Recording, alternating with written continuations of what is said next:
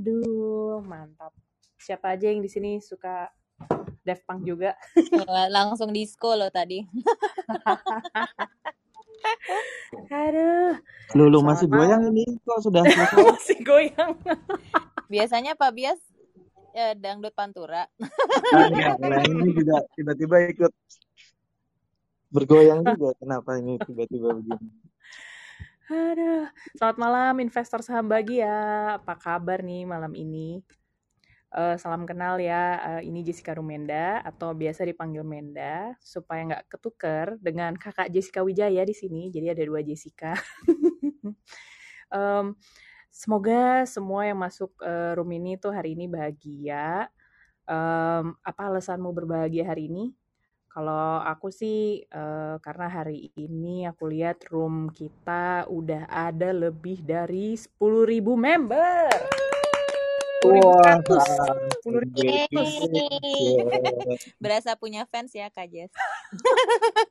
Kita rayain rayain pakai apa ya? Daging guling. Waduh. Joget lagi, joget, joget. Lagu rayain dengan joget lagi. Terus kalau podcast dan noise udah lebih dari 15.000 listener, terus follower IG udah 2000 follower. Siapa di sini yang belum follow uh, akun kami Investor Bahagia di Instagram? Hayu di follow dulu biar tambah bahagia dan gak ketinggalan berita-berita terbaru gitu. Minggu depan akan ada bintang tamu siapa, lalalala gitu. Aku uh, sekalian nih mau refresh dikit uh, alasan kenapa kita tiap minggu bikin room ini gitu. Ada yang masih inget nggak kenapa kita start room ini?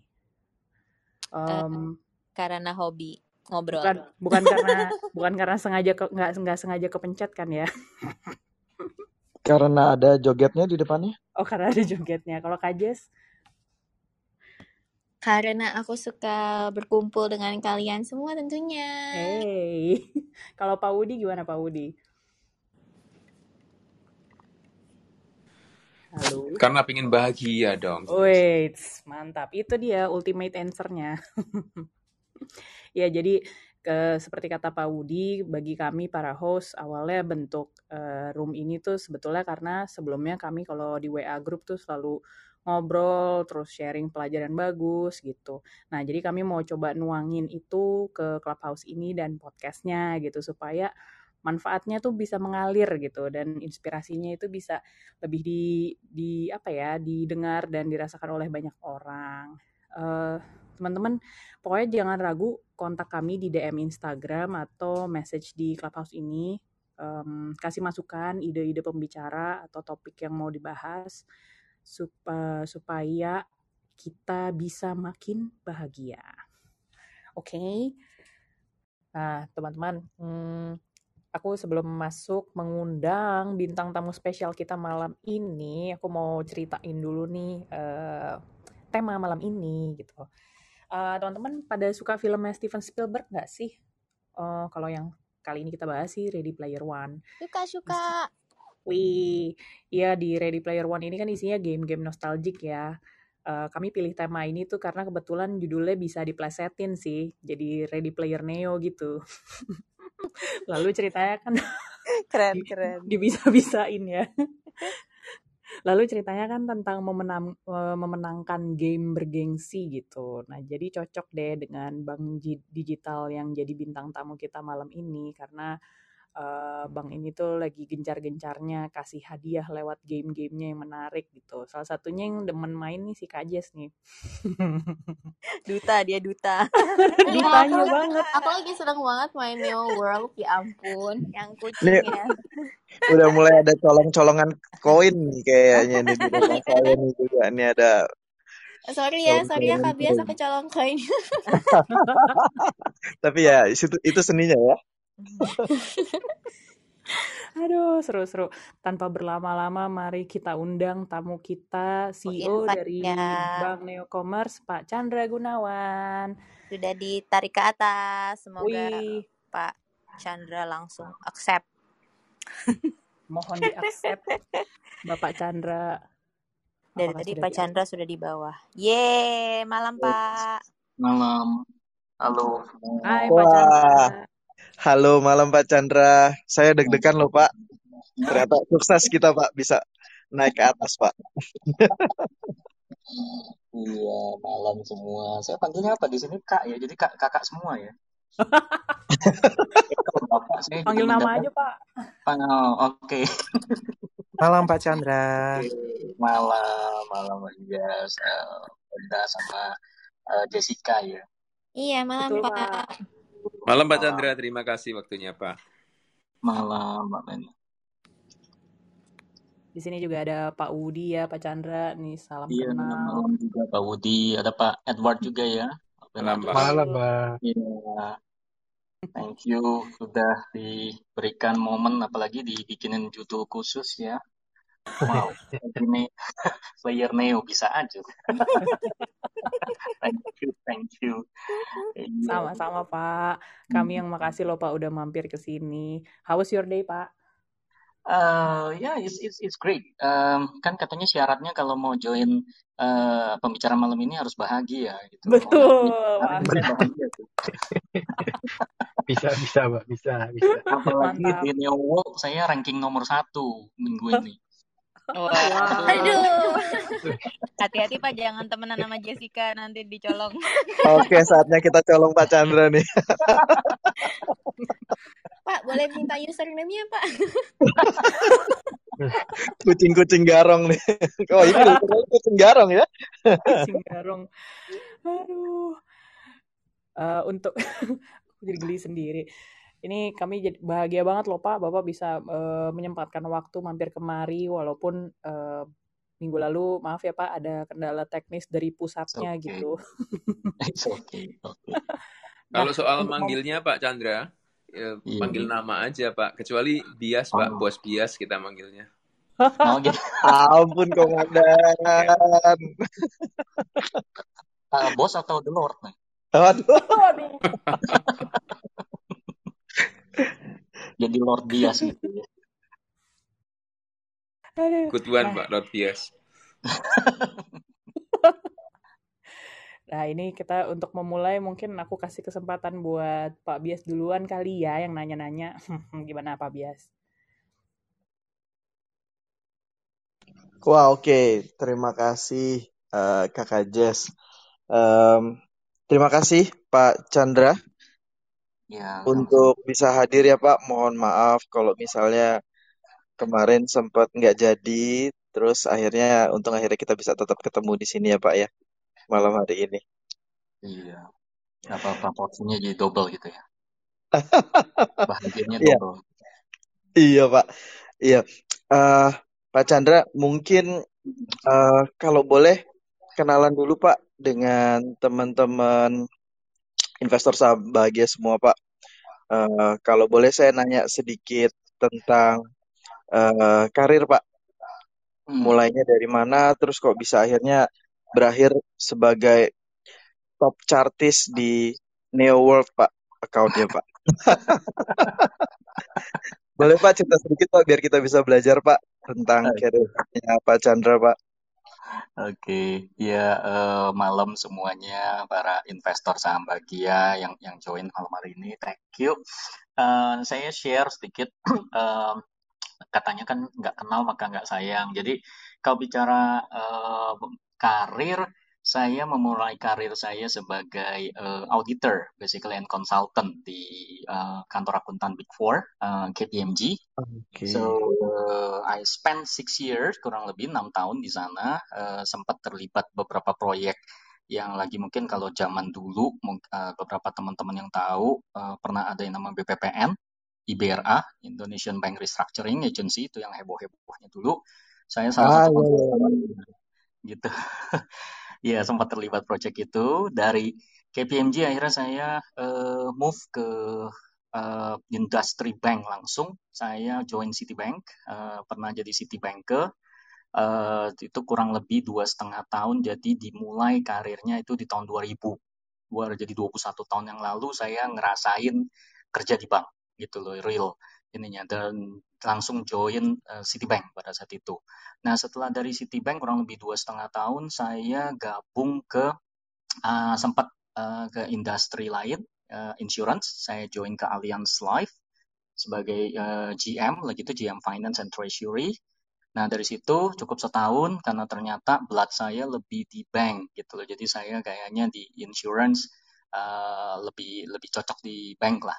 Jadi balik lagi saya uh, pernah bergabung di Commonwealth gitu ya, Commonwealth Bank. Uh, dari sana nggak lama juga setahun saya pindah lagi ke ABN AMRO, bank Belanda, salah satu bank Belanda, ABN AMRO, yang akhirnya dibeli sama RBS, Royal Bank of Scotland, Uh, itu saya I spend kurang lebih 11 tahun di sana. Itu karir saya yang terpanjang dan terlama gitu. Betah banget sampai banknya ditutup gitu. Kalau nggak ditutup mungkin saya masih di sana. Yeah.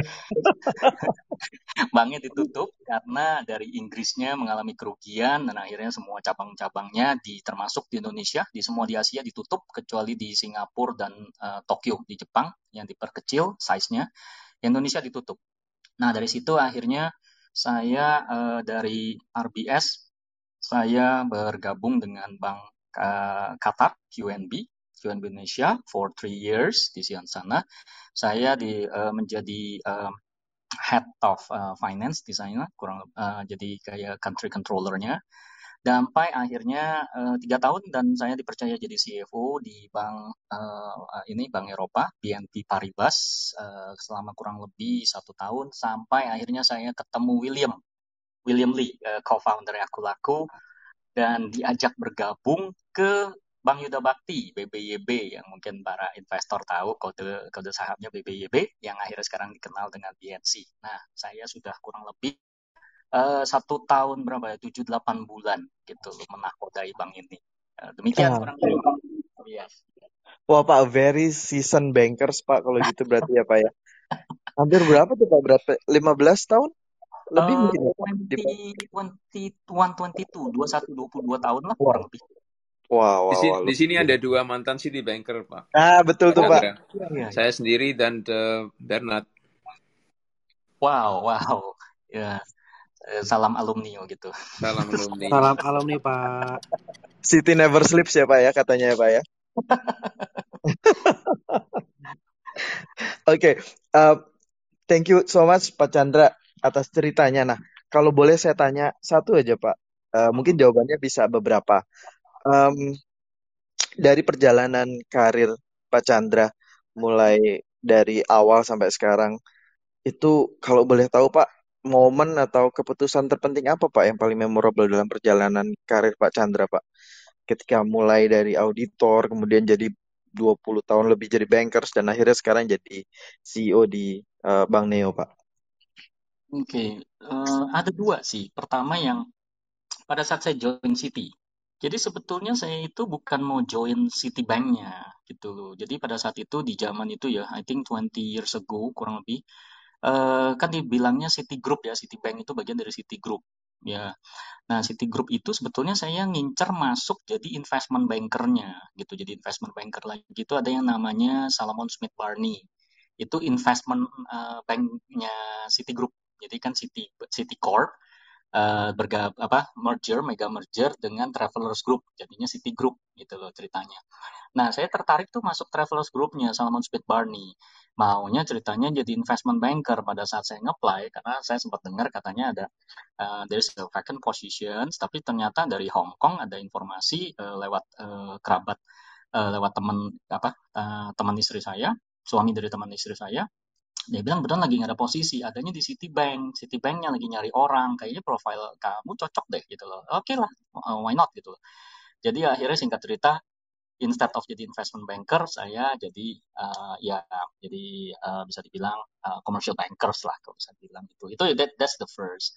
Yang second yang uh, recently kalau bisa dibilang kurang lebih satu tahun 8 bulan lalu pada saat saya bergabung dengan BYB jadi uh, sebetulnya ceritanya cukup unik sih ya uh, manusia berencana Tuhan yang tentuin. Jadi saya join sebagai finance director harusnya. So, ah, oke. Okay. harusnya jadi finance director. Jadi saya sign up-nya jadi finance director.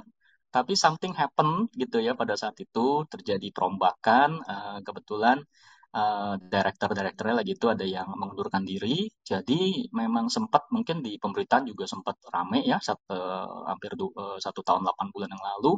Uh, ketiga direkturnya BYB mengundurkan diri pada saat itu karena memang terjadi perbedaan inilah ya visi apa segala macam gitu. Nah, jadi yang terjadi adalah pada saat saya masuk cuma hanya ada satu direktur, dua dengan saya. Saya pada saat bergabung harusnya menjadi finance director.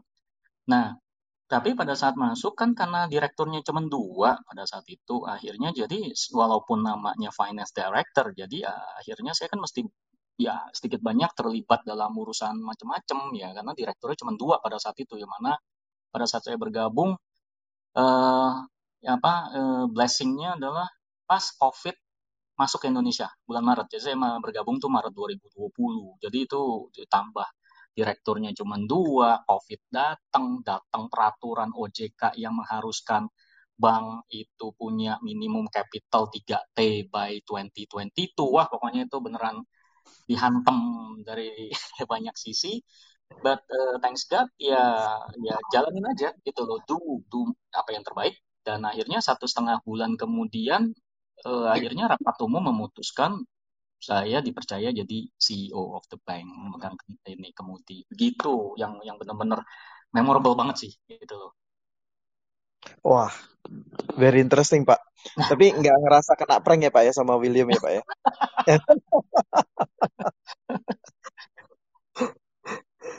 Iya iya iya Pak Pak Chandra uh, berarti ini kan ada perubahan yang cukup signifikan ya, walaupun mungkin memang fieldnya mirip-mirip lah antara dulu ketika auditors yang cover uh, bank juga, kemudian jadi conventional bankers 20 tahun lebih dan kemudian sekarang jadi CEO di bank digital, Pak. Tapi kalau saya boleh tanya nih, Pak, apa sih Pak yang paling berubah signifikan Pak dari tiga fase karir ini, Pak, dalam menjalaninya, Pak? Apa apa apa juga yang tetap sama nih, Pak? Uh, mungkin selain istri di rumah ya Pak yang tetap sama Pak. Wah, jangan pernah kedengeran istri saya bahaya. Oh iya Pak. Oh, biasanya ya, kalau speaker kalau kita, biasanya speaker kita kalau kita undang ke sini uh, istrinya atau the significant one-nya ikut dengerin di bawah Pak. Mantau Pak. Betul Pak. Istri saya justru tadinya mau join dari minggu lalu. Terus ternyata ah, ya, iya, bisa join-join. Iya. Dia bilang, iya lagi down gitu. Tapi kebetulan hari oh, ini okay. istri saya lagi berhalangan. Oke, okay, jadi kalau iya, ditanya, ya, apa sih yang berubah paling signifikan pada saat terutama jadi CEO, uh, eh, menjadi captain of the digital bank gitu ya? Um, mindset mungkin yang dari antara semua itu mindset pola pikir sih istilahnya. Karena uh, uh, kita sama-sama ya kalau boleh lihat sih di Indonesia sebetulnya belum ada bank digital sebelumnya ya. Jadi kalau sebelum tahun 2020 mungkin adanya bank yang punya digital banking gitu loh ya. Jadi digital uh, bank apa digital arms gitu. Nah, digital bank sendiri kan baru lahir uh, ya di tahun 2020 ya, ber, sejalan dengan makin uh, ininya COVID, jadi digital bank mulai lahir lah istilahnya gitu. Nah, uh, mindset yang paling uh, apa berubah karena uh, di Indonesia belum ada digital bank dan uh, harus mimpin digital uh, sebuah digit transformasi dari bank konvensional menjadi bank digital mau nggak mau sayanya harus yang berubah dulu berubah pola berpikir berubah uh, cara kerjanya gitu loh. Uh, semuanya jadi lebih ke perubahan paradigm gitu ya mindset. Jadi udah nggak bisa lagi gaya mikir kayak eh, istilahnya uh, convent way kalau bisa dibilang. Jadi uh, udah mesti mikirnya uh, lebih agile, harus uh, sekaligus ya. Maksudnya pada saat masuk kan memang BYB itu kan bank pensiunan militer. Gayanya tuh masih militer sekali. Jadi merombak sebuah bank uh, seperti itu menjadi bank digital seperti sekarang yang agile, wah itu benar-benar sayanya yang harus berubah dan sayanya menularkan. Nah itu yang wah. yang berubah paling signifikan. Iya ya, I can imagine sih Pak betapa transformasinya di di di bank BBYB ya Pak ya yang tadinya yang yang bank pensiunan tentara gitu ya Pak ya kurang lebih ya Pak ya. Iya ada cerita lucu awal saya masuk meeting pertama kali saya duduk di ujung meja uh, berdua dengan uh, partner saya di uh, almarhum direktur kepatuan saya Ya. Nah, ya. Uh, pada saat duduk meeting, pada saat kita ngomong semua pada hening gitu loh. Setelah itu ada yang mencoba mau memberikan pendapat. Lucunya tiba-tiba dia angkat tangan gitu loh. Terus gitu dia bilang, izin pak. Saya bingung, izin. Maksudnya izin apa sih? Ya, kenapa? Izin bicara pak. Dia bilang gitu. Wah udah kayak militer banget asli beneran. Iya, iya, iya. Izin, iya. izin pak. Ya, uh, izin bicara pak. Ya, uh, izin menanggapi pak saya bilang sampai akhirnya saya bilang gini-gini ya teman-teman tolong ya saya bilang uh, kayaknya kita mesti berubah deh saya bilang digital bank nggak nggak perlu ini maksudnya uh, silakan aja kalau punya pendapat apa punya uh, ide apa silakan ngomong gitu. Cuman satu tolong kalau lagi kalau lagi kita lagi bicara jangan dipotong. Gitu itu aja. Kalaupun mau potong say excuse me gitu. Itu oke okay. nah dari situ akhirnya uh, ya berubah sih, berubah semua akhirnya kalau yang itu ya. Nah, kalau apa yang tetap sama dari uh, awal BYB ya sampai BNC sekarang ini yang kami tetap bahkan kami bangun lebih lagi adalah ada uh, beberapa sih. Pertama trust ya, trust. Jadi uh, terlepas dari bentuknya digital bank, tetap uh, bentuknya adalah bank ya. Jadi memang kami itu mengklaim diri kami sebetulnya lebih teknologi company. Jadi tech company berbentuk bank. Jadi itulah kenapa digital bank kan dibilang tech bank ya, teknologi bank. Jadi kami lebih suka menyebut diri kami teknologi bank ya eh, yang yang mau nggak mau karena masih menyandang bank trust is the must gitu dalam uh, bisnis banking gitu ya. Kedua uh, yang juga masih tetap sama integrity. Kami menjaga sekali integrity kami gitu loh. Karena kan um, at the end of the day produk-produk perbankan akan tetap sama ya. Maksudnya antara satu bank dengan bank lain cuma dalam bentuk mungkin digital kayak gitu ya di di di di, di streamline prosesnya segala macam. Tapi trust and integrity is basically the basic of banking menurut saya gitu. And the last yang kita benar-benar bangun habis-habisan adalah make it happen. Jadi saya bilang saya uh, para neo bankers saya that's how I call my people gitu ya. Neo bankers, saya bilang ke mereka neo bankers, my fellow neo bankers saya bilang uh, it's good if you have experience, punya pengalaman, punya skill, punya knowledge, you have everything. Tapi kalau you just uh, cuman punya mimpi doang tapi nggak make it happen percuma juga sih saya bilang gitu jadi those three trust, integrity, and make it happen attitude yang tetap sama sih, Bias. Wah, thank you so much Pak. There is the tiga poin yang yang luar biasa sih Pak menurut saya Pak. Uh, dan bisa di, di, di, dipertahankan selama lebih dari 20 tahun gitu ya Pak ya. Running your career gitu ya Pak ya. Iya, yeah, thank you. Nah, tentang tentang uh, Bang Neo sendiri nih Pak saya ingat dulu ketam, pertama kali ketemu Pak uh, Chandra mungkin sekitar bulan apa ya Pak ya Juni atau Juli gitu ya Pak ya. Um, saya ingat kita pertama kali ngobrol waktu itu target uh, customer atau uh, atau account yang yang diobrolin waktu itu adalah cuman sekitar 5 juta account Pak di 2021 akhir tahun ini Pak. Nah, uh, itu kan kita ketemu Juni Pak. Kalau boleh tahu di awal tahun Pak itu berapa ya Pak ya? dua juta, dua juta. Waduh, itu, itu aja udah udah lewat ya Pak di Juni ya Pak ya? iya, iya. Yes. Dan now I can understand kalau nggak salah sekarang udah lebih dari 10 juta ya Pak ya? Betul. Uh, as we speak today, uh, catatan saya 11 juta user sudah. Wah, 11 juta. Akhir tahun rencana berapa Pak jadinya targetnya? Uh, kalau speednya seperti sekarang, uh, kurang lebih bisa 13 sampai 14 juta sih. Tuh. Wah, nah Pak, yang mau saya tanya nih Pak, tentang organisasi ya Pak, terlebih yeah. Tentang Bang Neo dan Neo Bankers, teman-teman semua yang di dalam gitu ya.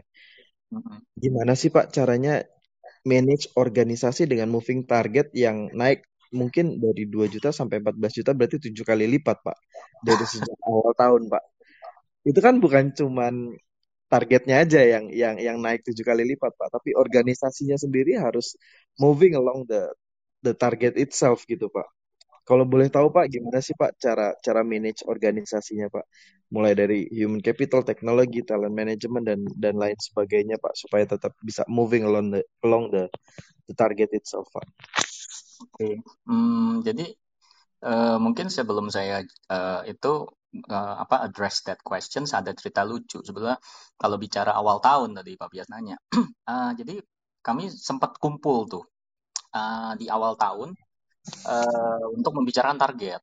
Jadi pada saat saya bilang ke para neo bankers ya, uh, jadi saya kumpulin uh, middle middle level and up, upper level management, saya bilang, oke okay, uh, guys, target tahun ini uh, adalah user kita akan di 2 juta. Wah semua pada kaget, heboh langsung satu ruangan, 2 juta dia bilang 2 juta pak how can we make it? Dia bilang 2 juta. Apalagi beberapa teman-teman itu kan dari beberapa bank lain yang tahu bagaimana berjuang mendapatkan customer 2 juta gitu. 2 juta in just dia bilang pada saat itu bulan Februari. Dia bilang cuma tinggal 11 bulan 2 juta gimana ceritanya? Lagi pandemi lagi katanya bilang tuh Ya, tapi ya ya ya thanks God di bulan Juni tadi Pak, Pak juga bilang kita udah achieve. Nah, kalau ditanya dengan moving target yang dari 2 juta bergerak akhirnya sempat jadi kita naikin barnya, set barnya jadi 5 juta, exit lagi, akhirnya terakhir kita taruh di 10 juta. Jadi sebetulnya target kita akhir tahun ini 10 juta gitu loh. Jadi kalau udah exit 11 juta ya sudah kita uh, udah maksudnya exit the target for this year basically karena kita udah naikin lima kali sih dari 2 juta uh, terus 5 juta dan terakhir 10 juta udah lima kali dari awal. Nah, kalau ditanya how to manage the organization-nya. So, uh, interestingly saya uh, uh, istilahnya uh, mengamati dan saya juga belajar along the way bahwa digital bank is basically is not uh, solely about technology. Jadi banyak yang berpikir, teman-teman juga banyak yang nanya, uh, about yang ada di, di kepala kita semua pada saat ngomong digital bank adalah pertama teknologinya itu ya kan. So the answer is um, not really true karena sebetulnya uh, digital bank is not solely about technology but actually about the people gitu loh. About the people. Jadi uh, ada cerita lucu sih pada saat bukan cerita lucu, I cerita menarik mungkin lebih tepatnya ya. Jadi pada saat saya ngobrol, pada saat saya dipercaya memimpin bank ini awal-awal saya sempat ada pembicaraan ngobrol-ngobrol iseng sama William. Dia lagi ngisap tutu dan nanya saya. So now you become the CEO of the bank. Yeah. So what is your uh, top three priorities that you want to build in this bank? Well saya bilang the first one is people saya bilang gitu loh dia tanya why people dia bilang gitu saya bilang well um saya bilang people uh, saya bilang you can give me the best technology in this world. Unfortunately, if the people is not ready to with the technology, I mean the the the the the, the apa maksudnya the staff and the employees of the bank is not ready for the technology, so useless. Saya bilang gitu loh. Terus ya uh, William sih, ya yeah, I agree dia bilang. Saya bisa beliin kamu, dia bilang I can buy you a Ferrari, a Lambo, dia bilang gitu. But if you cannot drive or your people cannot drive, it's useless. Dia bilang gitu. Iya, yeah. iya yeah, pak. Terus yang kedua dia dia bilang, so what's the second gitu loh kan? Nah, kita bicara uh, manage organisasi sudah dapat people, the right people, dan kita harus punya the right culture. Yang kami sebut itu neo culture. Jadi kami mendisrupt uh, culture kami sih menjadi neo culture gitu ya. Jadi semuanya kita disrupt pola berpikir, pola kerja gitu loh ya. Kita value benar-benar di ini. Ya. Jadi uh, orang-orangnya, pemain-pemainnya mau nggak mau karena kan digital bank di mata saya it's like a rugby games gitu loh. Nah mau nggak mau kita harus pilih pemain-pemain untuk rugby gitu loh. Karena uh, convention soccer gitu loh. Jadi tidak semua soccer player bisa jadi rugby player. Nah jadi dari sisi human capital ya kita bicara people dan bicara culture. Kalau yang hmm. ketiga itu baru. Baru kita bicara teknologi. Jadi when the the right people is there the right culture is built then the technology or the weaponsnya baru kita kasih gitu loh. Jadi pretty much kayak gitu sih kami bangunnya seperti itu sih uh, uh, Pak Bias. Yep, yep.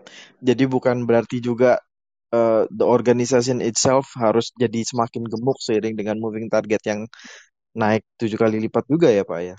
Enggak, enggak. Justru sebetulnya kalau dari di sini yang kita kembangin adalah lebih ke teknologinya sih. Jadi kalau misalnya ditanya, okay. more users we get, yang menjadi challenge adalah sekarang selain grow-nya tetap ada challenge-nya, maksudnya kita tetap ada target.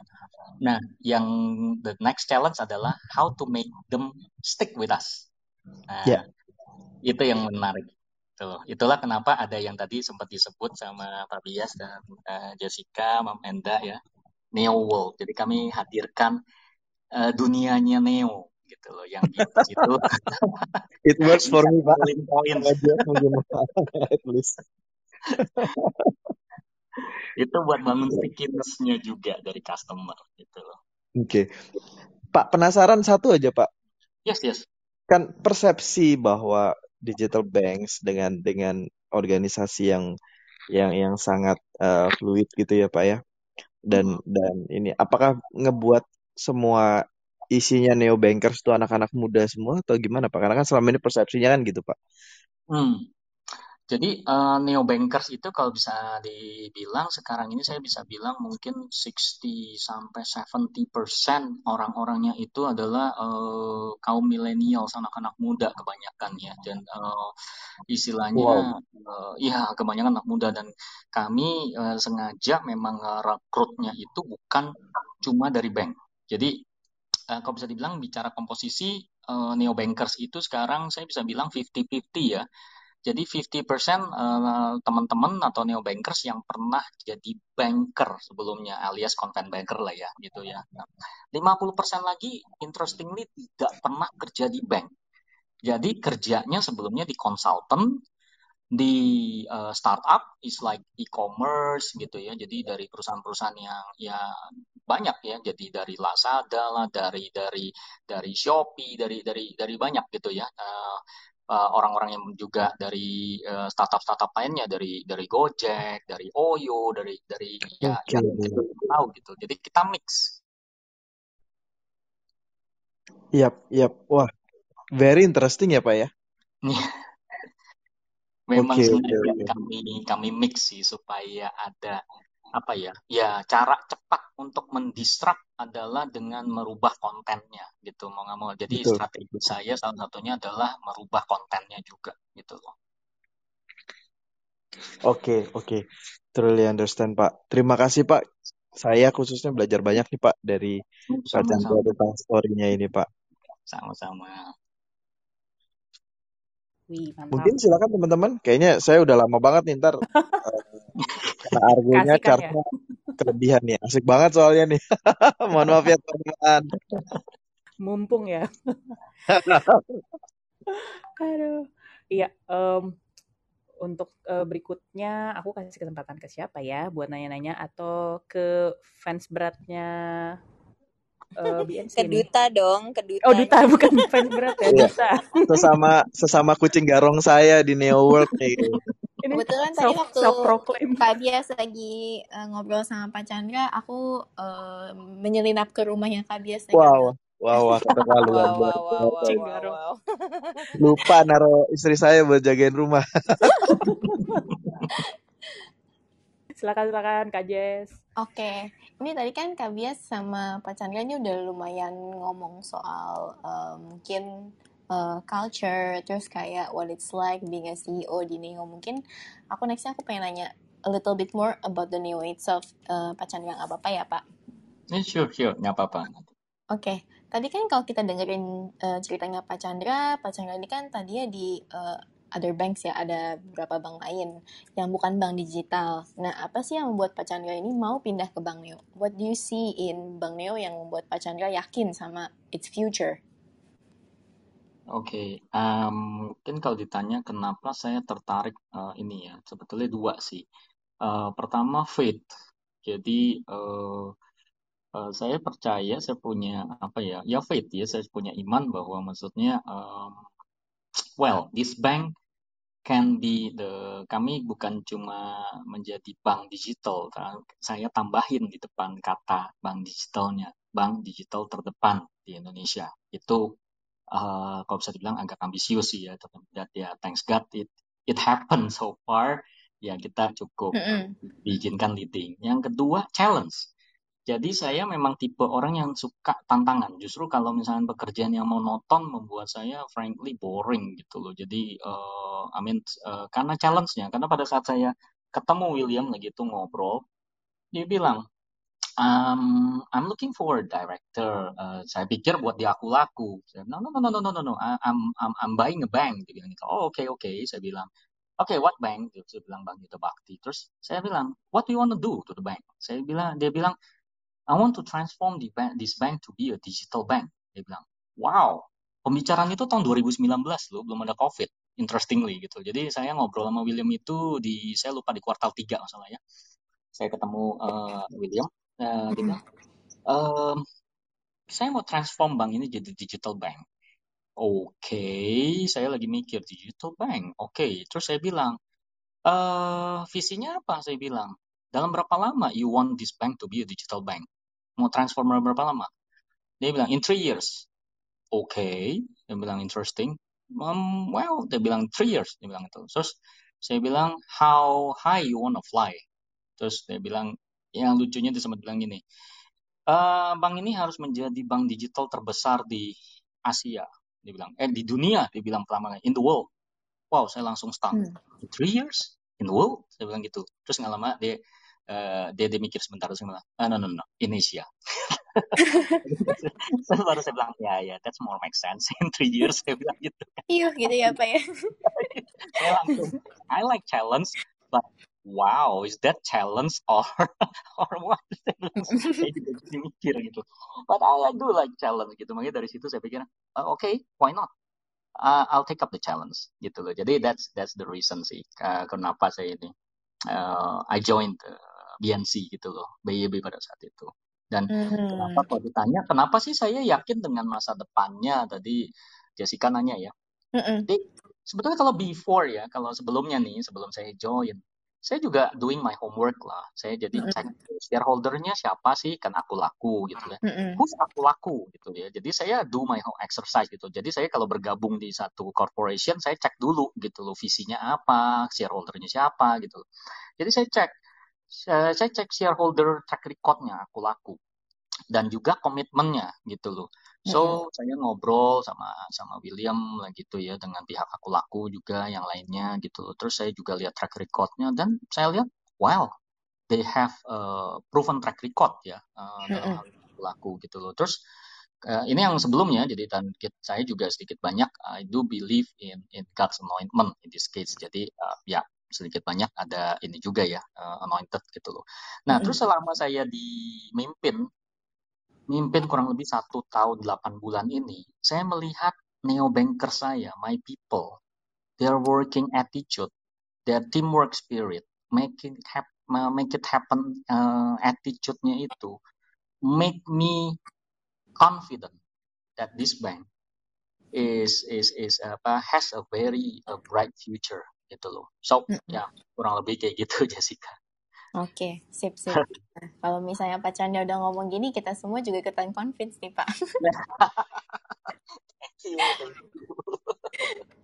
Nah, uh, mungkin aku kan juga tadi uh, Pak Chandra juga sempat bilang ya bahwa BNC ini um, pengen jadi bank digital, digital terbesar terdepan dan eventually ya yeah, so far ya yeah, so far I think uh, the numbers are um, the numbers are saying that as well. Nah kalau misalnya tapi di luar sana kan masih banyak yang bertanya ya kalau misalnya apalagi di antara semua digital bank gitu kan yang lagi um, datangnya di tahun ini, apa sih yang membedakan Bank Neo dari bank digital lainnya, Pak? We know user acquisition Neo itu jauh di atas yang lain. Tapi selain daripada itu, apalagi nih Pak yang jadi UVP-nya Bank Neo? Hmm, oke. Okay. Mungkin uh, karena ini forum uh, untuk kita berbahagia, jadi saya jawab yang membahagiakan. Pertama-tama. Oke okay, Pak, siap. jadi kan yang dengerin harus bahagia gitu kan. Jadi saya sih ngeliatnya gini, in, in simple terms gitu, sometimes saya pasti tanya, Pak UVP-nya apa, Pak Unique Value Proposition-nya apa? Hmm, oke, okay. In simple saya bilang, we have Neo, saya bilang gitu, the the our lucky mascot, the the the cat, saya bilang gitu kan. Karena uh, kalau dibilang uh, uniknya apa? Bang lain nggak ada yang punya maskot baru kami yang punya maskot. Saya rasa satu-satunya bank di, di, di Indonesia yang punya maskot cuma kita, kucing. Jadi kami nggak usah pusing, nggak usah susah-susah bilang bank Neo Commerce itu, tampilin aja Neo.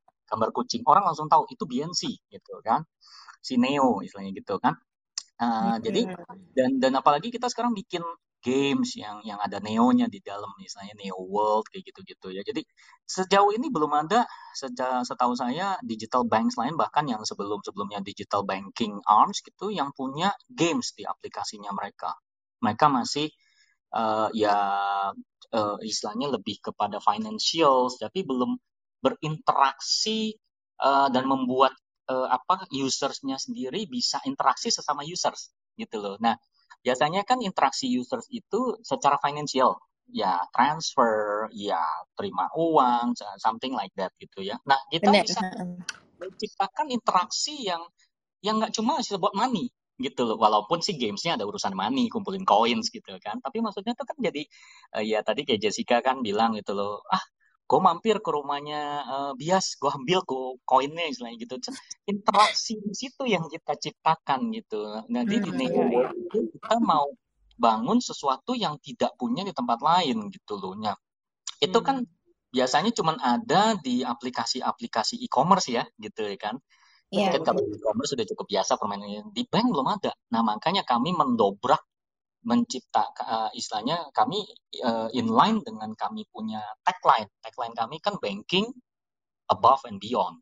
Jadi kita ngedobrak semua tembok-tembok uh, traditional banking bahwa banking itu harus serius, banking itu harus mahal, banking itu harus ribet misalnya gitu. Nah, kita hmm. bikin semuanya itu kita tear down all the walls, kita bikin yang istilahnya kita bisa serius kok walaupun uh, kita tetap dalam games, ada funnya. Serius itu bukan berarti nggak fun loh, bisa fun gitu. Kita bikin games di aplikasi kami, kami kasih suku bunga yang tinggi. Nah ini salah satunya juga yang membedakan kami. UVP kami adalah salah satunya adalah kami berani menawarkan suku bunga uh, deposito dan tabungan yang tinggi gitu loh di situ. Nah bank-bank lain ya mungkin belum sampai di sana. Nah jadi kami berbicara juga dengan gaya seperti bukan seperti bankers gitu loh. Kami berbicara seperti seorang startupers gitu loh. Jadi itu yang sedikit banyak membuat kami lebih bisa diterima karena kalau saya bicara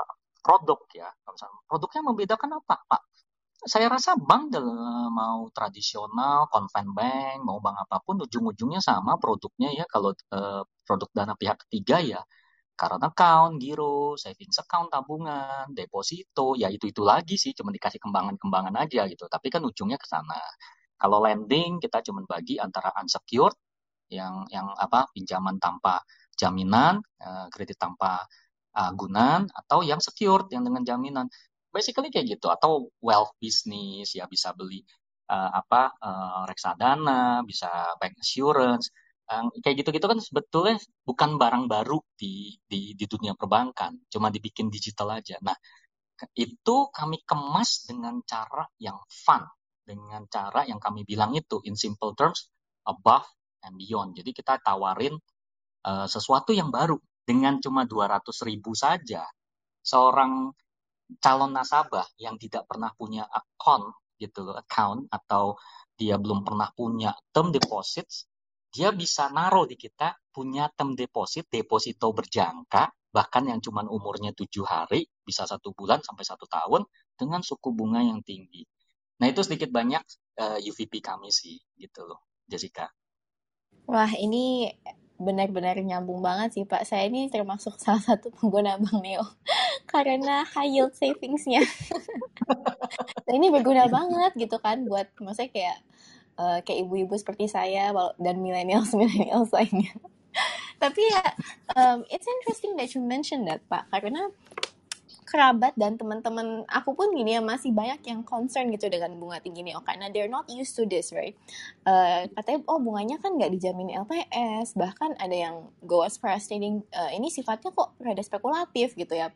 Nah ini gimana sih pak ke depannya nanti cara um, mungkin Bang Neo atau bagaimana cara Bang Neo untuk convince kita sebagai nasabah bahwa Bang Neo Commerce is indeed safe gitu untuk kita um, taruh our money in gitu pak. Hmm, Oke, okay saya paling bang paling sering banget ditanya ini sampai terus terang kami juga pernah diundang sama LPS uh, mm. direktur direktur LPS juga pernah uh, mm. mau ketemu. Akhirnya kita ketemu lewat zoom. Kami memberikan paparan ke mereka. Bahkan sampai terakhir dua tadinya cuma satu setengah jam akhirnya sampai meetingnya jadi dua jam. Karena akhirnya jadi kita diskusi tentang digital the digital bank sampai mereka tuh uh, thank us gitu berterima kasih banget bersyukur banget ada diskusi. Jadi pertanyaannya kurang lebih sama gitu. Bahkan LPS nanya Pak what's the plan? Why you give a high interest rates to ini?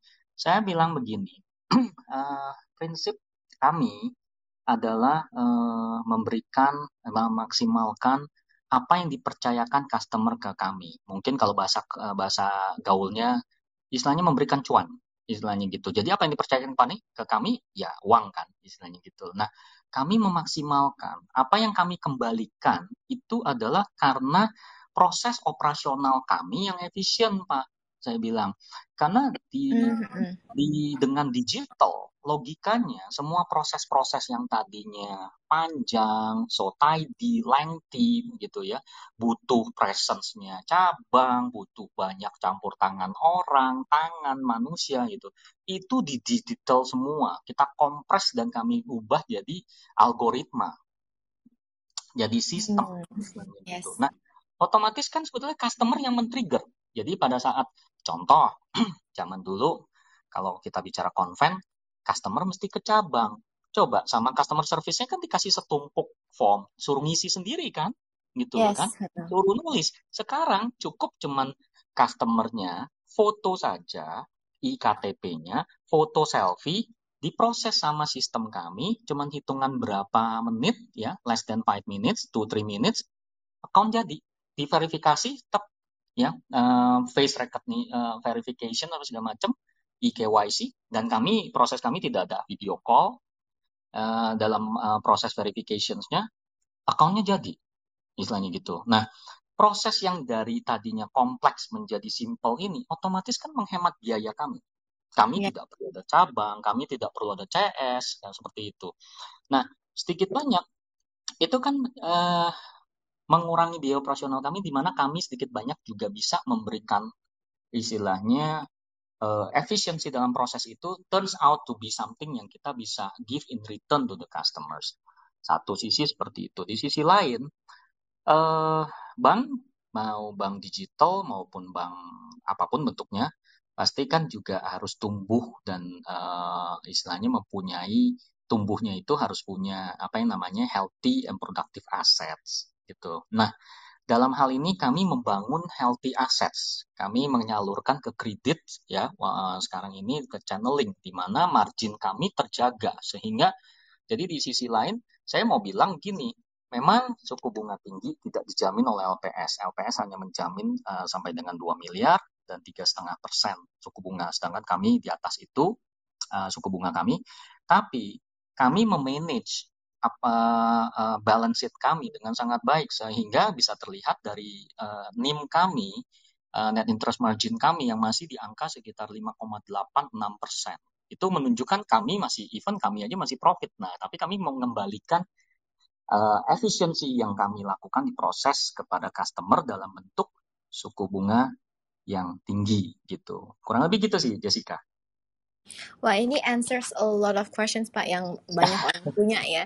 Dan uh, jujur aja ya I'm impressed gitu kan bahkan uh, pacarnya juga bilang masih ada uh, NIM yang lumayan tinggi. And kayak ini tuh benar-benar um, leading ini unplanned ya guys ya by the way. Tapi tapi uh, jawabannya Pak Chandra ini benar-benar leading to my next question nih Pak. Much of the discussion about digital banks ini kan tentang banking the unbankables ya Pak. Iya. Pengalamanku sendiri dealing sama asisten di rumah, mereka yang dari kampung gitu ya, rural areas, mereka tuh punya rekening suatu bank yang kita nggak perlu sebutin namanya. Yang mana bank ini tuh admin fee tuh banyak banget. Cek saldo pakai biaya, narik ATM, transfer sama bank aja tuh bayar gitu, padahal banknya sama.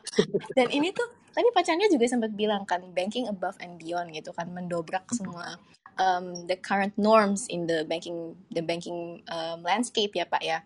Dan uh, bank-bank ini tuh yang dulu-dulu non interest margin itu tinggi banget juga kan. Udah gitu bunga yang diberikan kepada uh, customernya jelas nggak nutup. Menurutku ini tuh sedikit predatory kan ke consumer walaupun saya emang misalnya jaringannya banyak gitu. Nah digital banks ini kan memaksa bank-bank konvensional seperti ini untuk somewhat merubah bisnis modelnya mereka mulai dari akses, uh, cost efficiency, dan value customer yang lebih tinggi. Nah, do you see nantinya digital banks ini setelah masa euforianya berakhir ini juga akan jadi predator ke consumer? Um, apakah nanti eventually uh, you guys will have to raise fees? Apakah bakal ada price war gitu, Pak? How do you see How do you see the future, Pak? Hmm, oke. Okay. Uh, harusnya um, tidak ya. Jadi saya mungkin menjawab dari sisi uh, kami BNC. Kami justru uh, ke depannya proses uh, proses kami akan harusnya menjadi lebih efisien gitu loh. Uh, dan ini um, kenapa bisa efisien? Karena gini, kita uh, use case kita kan intinya gini. Apa sih yang membuat mahal? pengalaman kan. Pengalaman itu kan ada dibilang guru yang ini dan juga mahal gitu kan. Nah, eh, dalam hal ini kami makin lama eh, beroperasi harusnya makin lebih efisien gitu ya. Jadi kan inisialnya mungkin belum terlalu efisien uh, maksimal, makin lama makin maksimal. Nah, salah satunya dengan jumlah users kami yang sekarang per hari ini sudah mencapai 11 juta users, sedikit banyak juga itu membantu percepatan kami menjadi lebih efisien di mana uh, use case ini kan jadi lebih banyak gitu loh. Kan at the end of the day, hmm. digital bank kita bicara use case gitu ya kan.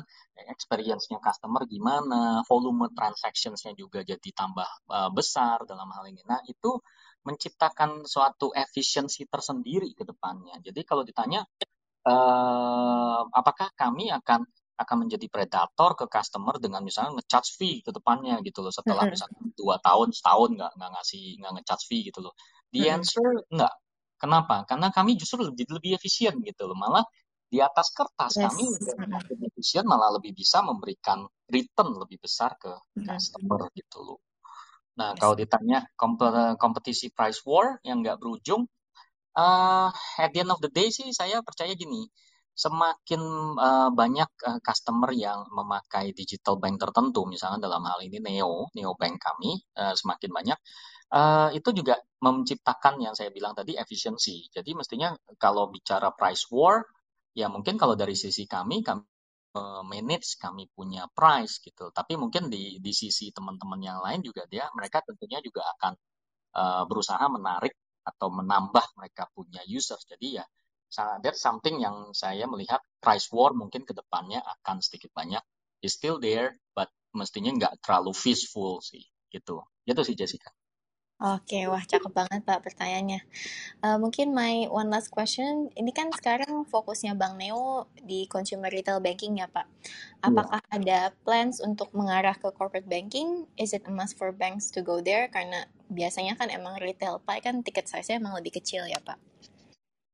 Iya, betul. Jadi Uh, itulah kenapa memang ya benar sih uh, statement Jessica. Jadi retail pie itu tiket size-nya memang kecil. Itulah kenapa karena tiket size kecil artinya kita harus bicara volume. Jadi the more volume uh, volume itu the, the the the better gitu dalam hal ini. Itulah kenapa kami diuntungkan dengan user kami yang 11 juta sekarang ini itu sedikit banyak juga mendrive volume transactions gitu loh. Dalam artian kami mempunyai uh, istilahnya uh, capacity. The capacity is there already. Nah, tinggal bicara nanti uh, produk-produknya pada saat nanti sebentar lagi dalam hitungan beberapa minggu ke depan, uh, hopefully dalam seminggu dua minggu, kami akan meluncurkan digital lending dan sedikit banyak kami akan menjadi bank digital pertama yang meluncurkan digital lending.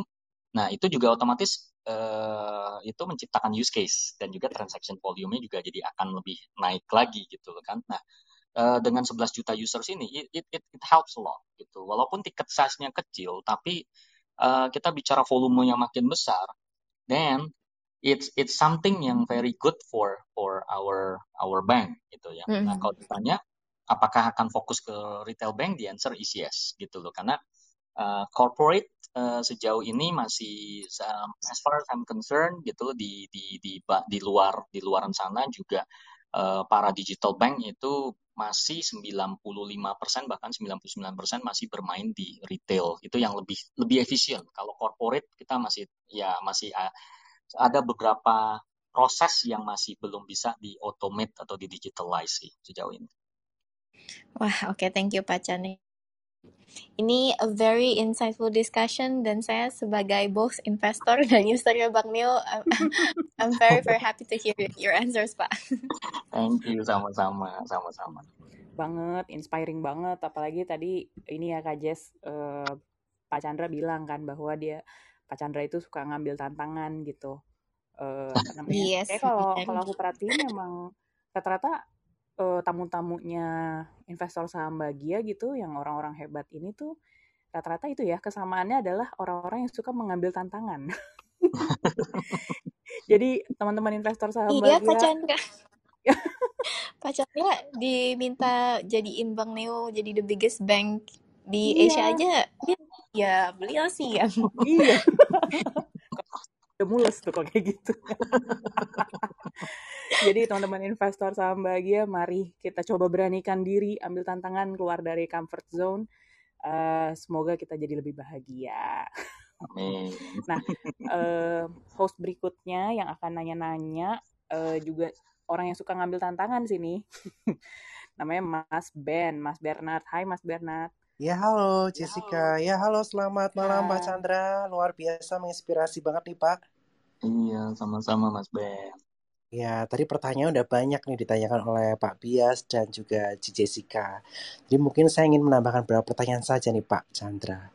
Jadi kaitannya mengenai strategi akuisisi yang dilakukan oleh Bank Neo nih. Di mana banyak user menggunakan Bank Neo karena ada referral fee untuk memberi referral, bebas fee transfer, kemudian bunga yang tinggi juga yang diberikan kepada para user. Lalu bagaimana Pak Chandra untuk plan ke depan yang dilakukan oleh BPYB sehingga profit mampu digenerate oleh BPYB? Kan tentu saja nanti sebagai seorang investor ketika membeli saham, ujung-ujungnya ingin melihat company yang diinvestasikan itu mendulang profit.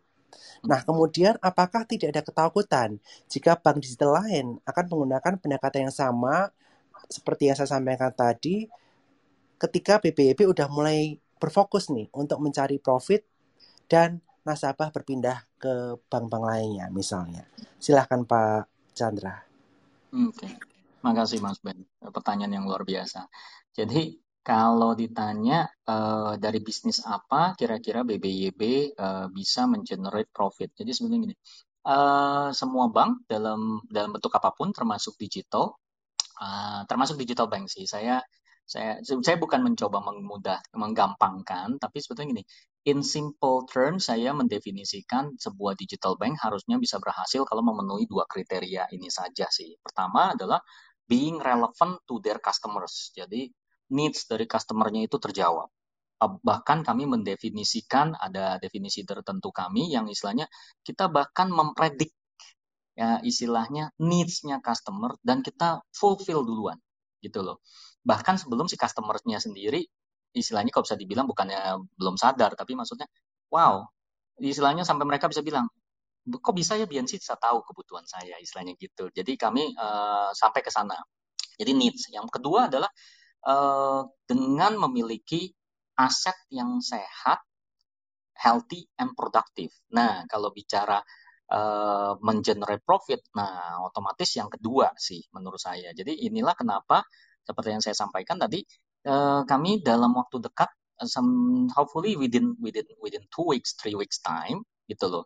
Uh, kita akan meluncurkan apa yang namanya digital lending. Istilahnya kami itu digital loan. Jadi digital loan kami itu kami akan bekerja sama dengan Akulaku. Jadi di platform Akulaku dan nantinya di platform kami sendiri kami akan uh, bisa memberikan lending secara digital gitu ya dengan proses uh, istilahnya aplikasinya dan semua prosesnya LOS-nya itu sudah kami uh, uji, sudah kami tes dan sekarang lagi menunggu approval dari OJK. So uh, berita terakhir kita akan bisa dapetin itu dalam hitungan 1-2 minggu dan kalau kami bisa luncurkan hopefully within one week or two kami akan menjadi bank digital pertama yang meluncurkan digital lending di aplikasi kami dan juga di aplikasi partner kami Akulaku. Nah dari situ um, kita believe dari hitungan kami, proyeksi kami, sedikit banyak kita bisa membuat profit le, uh, ke depannya gitu loh. Walaupun uh, memang sedikit banyak uh, biaya kami juga dalam user acquisition juga cukup menekan PNL kami kan tuh. Nah, karena kita kami kan memiliki 11 mendapatkan 11 juta users otomatis itu juga menekan PNL kami. Tapi kami percaya ke depannya uh, diinitiate dari dimulai dari digital lending kami yang akan uh, rencananya tahun ke depan masuk bahkan ke segmen SME itu akan bisa sedikit banyak mengenerate atau paling tidak mengimbangi uh, pengeluaran kami dari sisi user growth gitu ke depannya. Nah, kalau ditanya apakah ada ketakutan kalau apakah ada ketakutan jika bank lain akan menggunakan pendekatan yang sama dengan kami yang fokus cari profit? sebetulnya gini, hmm, saya percaya satu hal sih. Rencana boleh sama, plan boleh sama. Jadi mungkin kalau saya ngobrol, misalkan saya ambil contoh rumah makan, restoran, resep boleh sama gitu loh. Bahkan dijiplak habis. Tapi ada satu yang membedakan, eksekusi. Jadi kalau di restoran tuh proses masaknya beda. Nah proses masak beda, otomatis makanannya beda. Jadi kami percaya gini, ide boleh sama, sama-sama mau jadi digital bank. Bahkan produknya mungkin mirip-mirip 11-12 pastinya kan. Tapi yang membedakan adalah eksekusi.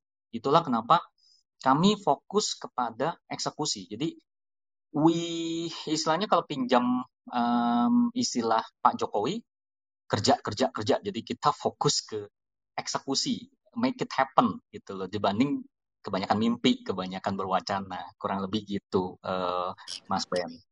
Wow, luar biasa banget ya. Jadi strategi mungkin boleh sama ya ke depannya, tapi eksekusi dari sisi Bank Neocommerce ini telah teruji ya dengan 11 juta user yang diakuisisi. Ini membuktikan bahwa strategi yang selama ini dilangsungkan oleh Bank Neocommerce ini telah berjalan dengan cukup baik.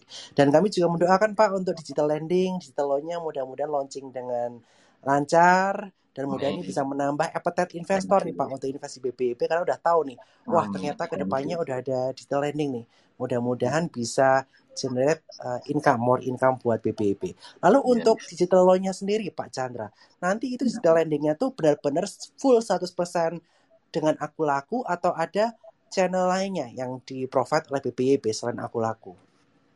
Uh, rencana awal kami, kami akan uh, berkolaborasi dengan aku laku, tapi di tahun depan kami akan uh, berkolaborasi juga dengan uh, para, uh, kalau bisa dibilang Eh, dengan konsep Open API juga ke depannya kami akan berkolaborasi dengan uh, teman-teman lain sih, e-commerce lain juga gitu loh. Memang sudah ada dalam plan kami, tapi khusus untuk tahun ini dan bisa dibilang mungkin di kuartal pertama kami fokus dulu di ekosistem kami dan juga di aplikasi kami sendiri karena kami juga mau memaksimalkan dari 11 juta users uh, dan active users kami, daily active users kami yang kurang lebih 2 juta users sekarang ini uh, sempat mencapai kalau monthly kita bicara unik ya, secara unik itu sekitar di kisaran 4 sampai 5 juta users yang aktif. Nah, itu kami juga mau memberi karena kami percaya dari 11 juta users pastinya ada yang punya kebutuhan lending gitu loh. Maksudnya membutuhkan produk lending kami. Nah, kami lempar dulu ke mereka gitu loh. Nah, itu menjadi istilahnya apa? Kami be, mau istilahnya bertumbuh secara organik dulu istilahnya. Di samping kami juga tentunya membuka diri juga kepada e-commerce lain yang kita memang sudah ada pembicaraan sekarang ini. Ke depannya kita akan kasarnya quote unquote buka lapak di mereka gitu Mas Ben. Oke, jadi tahun pertama fokus dulu dengan ekosistem yang ada ya Pak Chandra ya, yaitu ya, di kuartal pertama. Ya, di kuartal pertama dan ke depannya akan rencana Open API yang mana ini akan menambah banyak uh, lender ya yang akan ya borrower ya akan pinjam uang di Bank Neocommerce. Oke Pak Chandra, kemudian ini ada pertanyaan kedua nih Pak dari saya kaitannya mengenai kantor cabang nih, karena kita melihat saya melihat nih Pak waktu saya kantor cabang Sukor di Pontianak ada Bank Neocommerce di Batam juga ada. Dan saya cek-cek nih di Google bahwa Bank Neocommerce saat ini telah memiliki cabang offline masih lebih dari 20 ya kalau I'm not mistaken. Bahkan ada yang di luar Jawa seperti Pontianak dan Batam. Nah, akankah ke depannya Bank Neocommerce ini akan menerapkan strategi full online tanpa cabang atau tetap akan mempertahankan cabang-cabang yang telah ada saat ini, Pak? Dan apakah pertimbangan dari manajemen dan Pak Chandra terkait mengenai hal ini? Silahkan Pak Chandra. Oke, terima kasih Mas Ben. Jadi sebetulnya gini, uh, cabang kami sekarang ini tercatat benar masih kurang lebih 20-an. Tapi di, di akhir tahun ini kami akan menutup uh, banyak cabang, sehingga di akhir tahun ini tercatat jumlah cabang kami hanya sebesar 12, 12 cabang saja. Gitu. Memang itu kami targetkan hanya 12, ditambah satu digital lounge kami yang di Astamall gitu, yang yang sempat uh, jadi talk of the town katanya. Sebetulnya yang jadi talk of the townnya Astamolnya dulu sih, cuman karena kami ada di situ jadi ikut dibicarakan gitu. Nah kalau bicara uh, ke depannya, yes kami akan mengurangi terus presence kami atau kehadiran kami secara fisikal secara fisik, di mana rencananya kami akan istilahnya kami lipat terus cabang kami, gitu ya, kami kurangi terus keberadaan fisiknya, kami lebih akan hadir secara digital, jadi digital footprint kami akan menyebar gitu ke seluruh Indonesia dibanding secara fisikal. Nah, e, kalau ditanya, tapi kenapa mesti bertahap? Mungkin pertimbangannya apa? Gini, e, kami ini bank digital atau bank yang dalam terus proses bertransformasi menjadi uh, bank digital yang istilahnya uh, pragmatik. Kami mengambil approach yang pragmatik. Jadi pragmatik dalam arti uh, faktanya adalah Indonesia itu belum menjadi digital country gitu loh. Kecuali kalau misalnya kita ambil contoh di luar misalkan China. China udah menjadi sedikit banyak digital country ya kan di sana paymentnya udah cukup model handphone aja nggak perlu bawa dompet nggak perlu nggak kredit card apalagi uang uang kertas, kartal, giral seperti itu ya. Jadi um, di Indonesia belum belum sampai situ. Which is kalau saya mengamati plan blueprintnya pemerintah itu di tahun 2025 di mana BI mencanangkan di tahun 2025 akan terjadi digitalisasi sistem pembayaran di Indonesia. Jadi saya would imagine di tahun 2025 paling tidak 90 atau 80 persenan mestinya proses digitalisasi Indonesia itu udah jalan itu di, di, di samping juga pembangunan infrastruktur ke seluruh Indonesia. Nah, masalahnya kalau kami mau jadi go neo, istilahnya jadi neo bank langsung tanpa cabang sekali bisa nggak gitu? Bisa jawabannya. Tapi pertanyaannya adalah kenapa harus terburu-buru gitu loh? Karena eh, ada beban juga dalam hal ini di mana uh, kami sembari mendirikan atau mentransformasi bank kami menjadi bank digital, otomatis kami juga mesti yang penting adalah mensosialisasikan atau me, me, mengedukasi lebih tepatnya uh, masyarakat tentang apa sih bank digital itu. Karena di Indonesia seperti saya bilang tadi bank digital belum ada sebetulnya ya. Bank digital adanya digital banking. Digital bank belum ada, istilahnya baru lahir di tahun 2020. Jadi itulah kenapa kami mengemban misi mengedukasi sekaligus hadir gitu. Nah, kalau kami langsung jadi uh, kami menutup semua cabang kami tanpa diiringi dengan dua hal, percepatan uh, Indonesia menjadi digital country sekaligus juga uh, proses edukasi kami yang belum maksimal atau bahkan pemain-pemain lain, teman-teman lain yang juga jadi digital bank juga eh, berulang kurang masif dalam mengedukasi, akhirnya menjadi bagi kami, kami menilai itu menjadi suatu strategi yang mungkin kurang masuk bagi kami. Mungkin beberapa teman-teman lain menganggap uh, mereka cukup confident dengan pakai strategi itu, that's their call. Bagi kami, kami lebih mengapproach, uh, mengambil approach seperti yang saya bilang tadi, pragmatic. Jadi kami mengikuti the growth of digitalization in Indonesia gitu. Jadi pada saat Indonesia 2025 becoming digital country, so BNC will be gitu. Jadi benar-benar Dioneo kita nggak punya cabang lagi ke depannya. Gitu Mas Ben. Oke, jadi awal-awal ini lebih ke arah omni channel dulu ya Pak ya untuk melakukan yes. sosialisasi, edukasi mengenai bank digital ini sendiri. Ya, nanti lama-lama udah fully digital, ke depannya presence-nya akan sama sekali lebih full online ya ke depannya yang diharapkan yes. kurang lebih tentatifly di tahun 2025 Pak Chandra ya. Yes, benar. Oke, luar biasa. Dan terima kasih Pak Chandra. Sekian pertanyaan dari saya, Minda. Mudah-mudahan uh, bisa mencerahkan buat teman-teman investor sekalian. Thank you Mas Ben.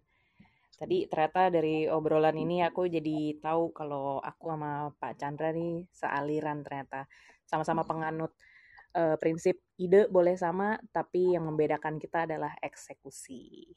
Ya Untuk uh, penanya berikutnya ada ini nih, wah ini perdana nih, nanya di sini nih. Ada Mas Edward. Hai Mas Edward. Halo, malam Enda. Selamat malam, welcome ya. Silakan silakan. Waduh, thank you nih. Ini kesempatan emas banget nih. Thank you juga Pak Chandra buat uh, kesempatan buat nanya. Sama-sama. Um, menarik, menarik banget sih um, yang kita dengar langsung dari Pak Chandra tadi soal progresnya di BNC ya. Dari jumlah user yang luar biasa besar dan dalam waktu yang berapa lama Pak? Mungkin 7, 6, 7 sampai 8 bulan nih sejak iya. kita launching itu. Jadi memang progresnya luar biasa. Sekarang kita udah ada 11 juta user. Lalu sebentar lagi kita juga bakal jadi bank pertama yang launching uh, digital uh, apa, lending product, Pak. Yes. Nah, uh, pertanyaannya gini, Pak. Uh, dengan nasabah yang besar ini, tentu kan cost kita juga besar ya dari segi um, acquisition cost dan um, biaya untuk maintain nasabahnya ini. Pertanyaannya soal dari cost, apa aja benefit yang uh, kita dapat ya dari user base yang besar ini? Um, dan sekarang kan kita banyak melakukan partnership dengan uh, baik itu digital ecosystem, baik itu dengan fintech, uh, lending, uh, dengan user base kita itu ada ada ini nggak ya? Ada something yang bisa uh, jadi jadi benefit di BNC dalam negosiasi untuk partnership itu? Iya, thank you, thank you uh, Edward untuk pertanyaannya. Jadi um, memang dengan jumlah user yang sekarang ini 11 juta itu memang uh, kami mendapatkan benefit dalam arti gini. Uh, ini dua. Jadi pada saat kami uh, bisa dibilang berpartner uh, dengan pemain-pemain uh, besar lain termasuk teman-teman uh, yang sudah masuk ke kategori unicorn gitu ya.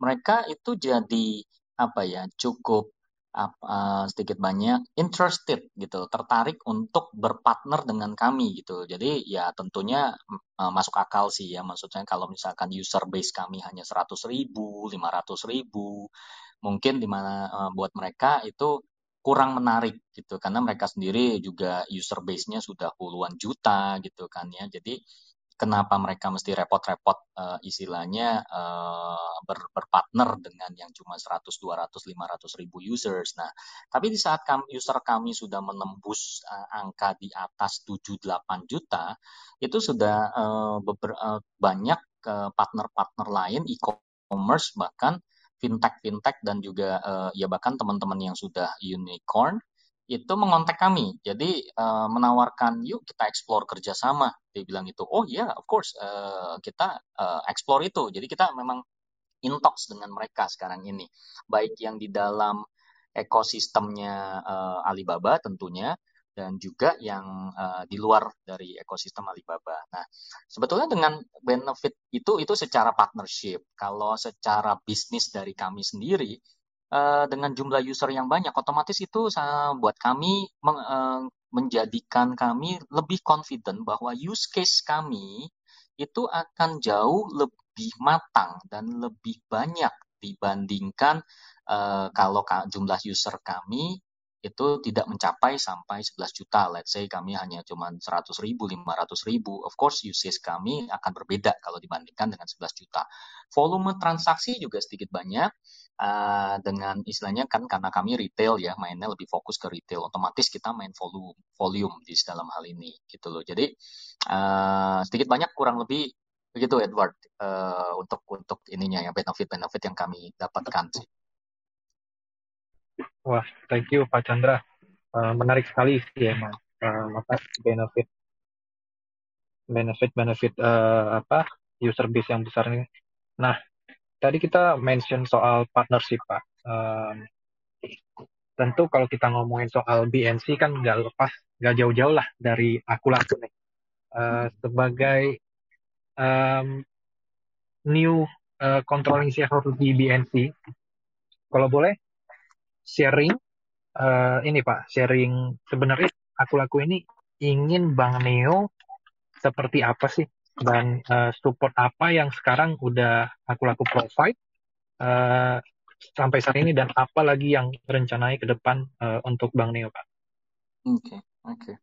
Jadi um, dalam hal ini cita-citanya aku laku uh, yaitu tadi yang uh, pas awal saya bergabung yang saya bilang um, saya dikasih istilahnya tawarkan tantangan ya tantangannya adalah uh, mentransformasi bank konvensional menjadi bank digital. Nah, saya tambahin kata terdepan karena gini, uh, saya juga nggak mau uh, istilahnya BNC hanya menjadi bank digital yang biasa-biasa saja, gitu kan ya. Jadi mau nggak mau uh, saya men menambahkan kata terdepan. Kenapa? Itu memacu kami gitu loh para neo bankers jadi kita harus menjadi yang terdepan nah jadi sedikit banyak uh, wishnya aku laku apa sih mau BNC itu jadi bank digital terdepan di Indonesia yang sedikit banyak juga ngambil kontribusi maksimal di dalam financial literasi dan juga financial inclusion. Jadi sebetulnya uh, BNC tidak bicara hanya is about being profitable bank someday gitu ya, uh, walaupun nanti tentunya dalam hal ini kan akan ada masa inkubasi gitu dalam waktu 2-3 tahun tentunya sebuah digital bank akan harus uh, banyak investasinya dalam teknologi, dalam people, dalam uh, user growth tentunya akan PNL-nya tertekan seperti yang tadi saya bilang. Tapi at the end of the day uh, di tahun ketiga, keempat, kelima pastinya bank digital akan profitable. Nah, tapi targetnya bukan hanya profitable.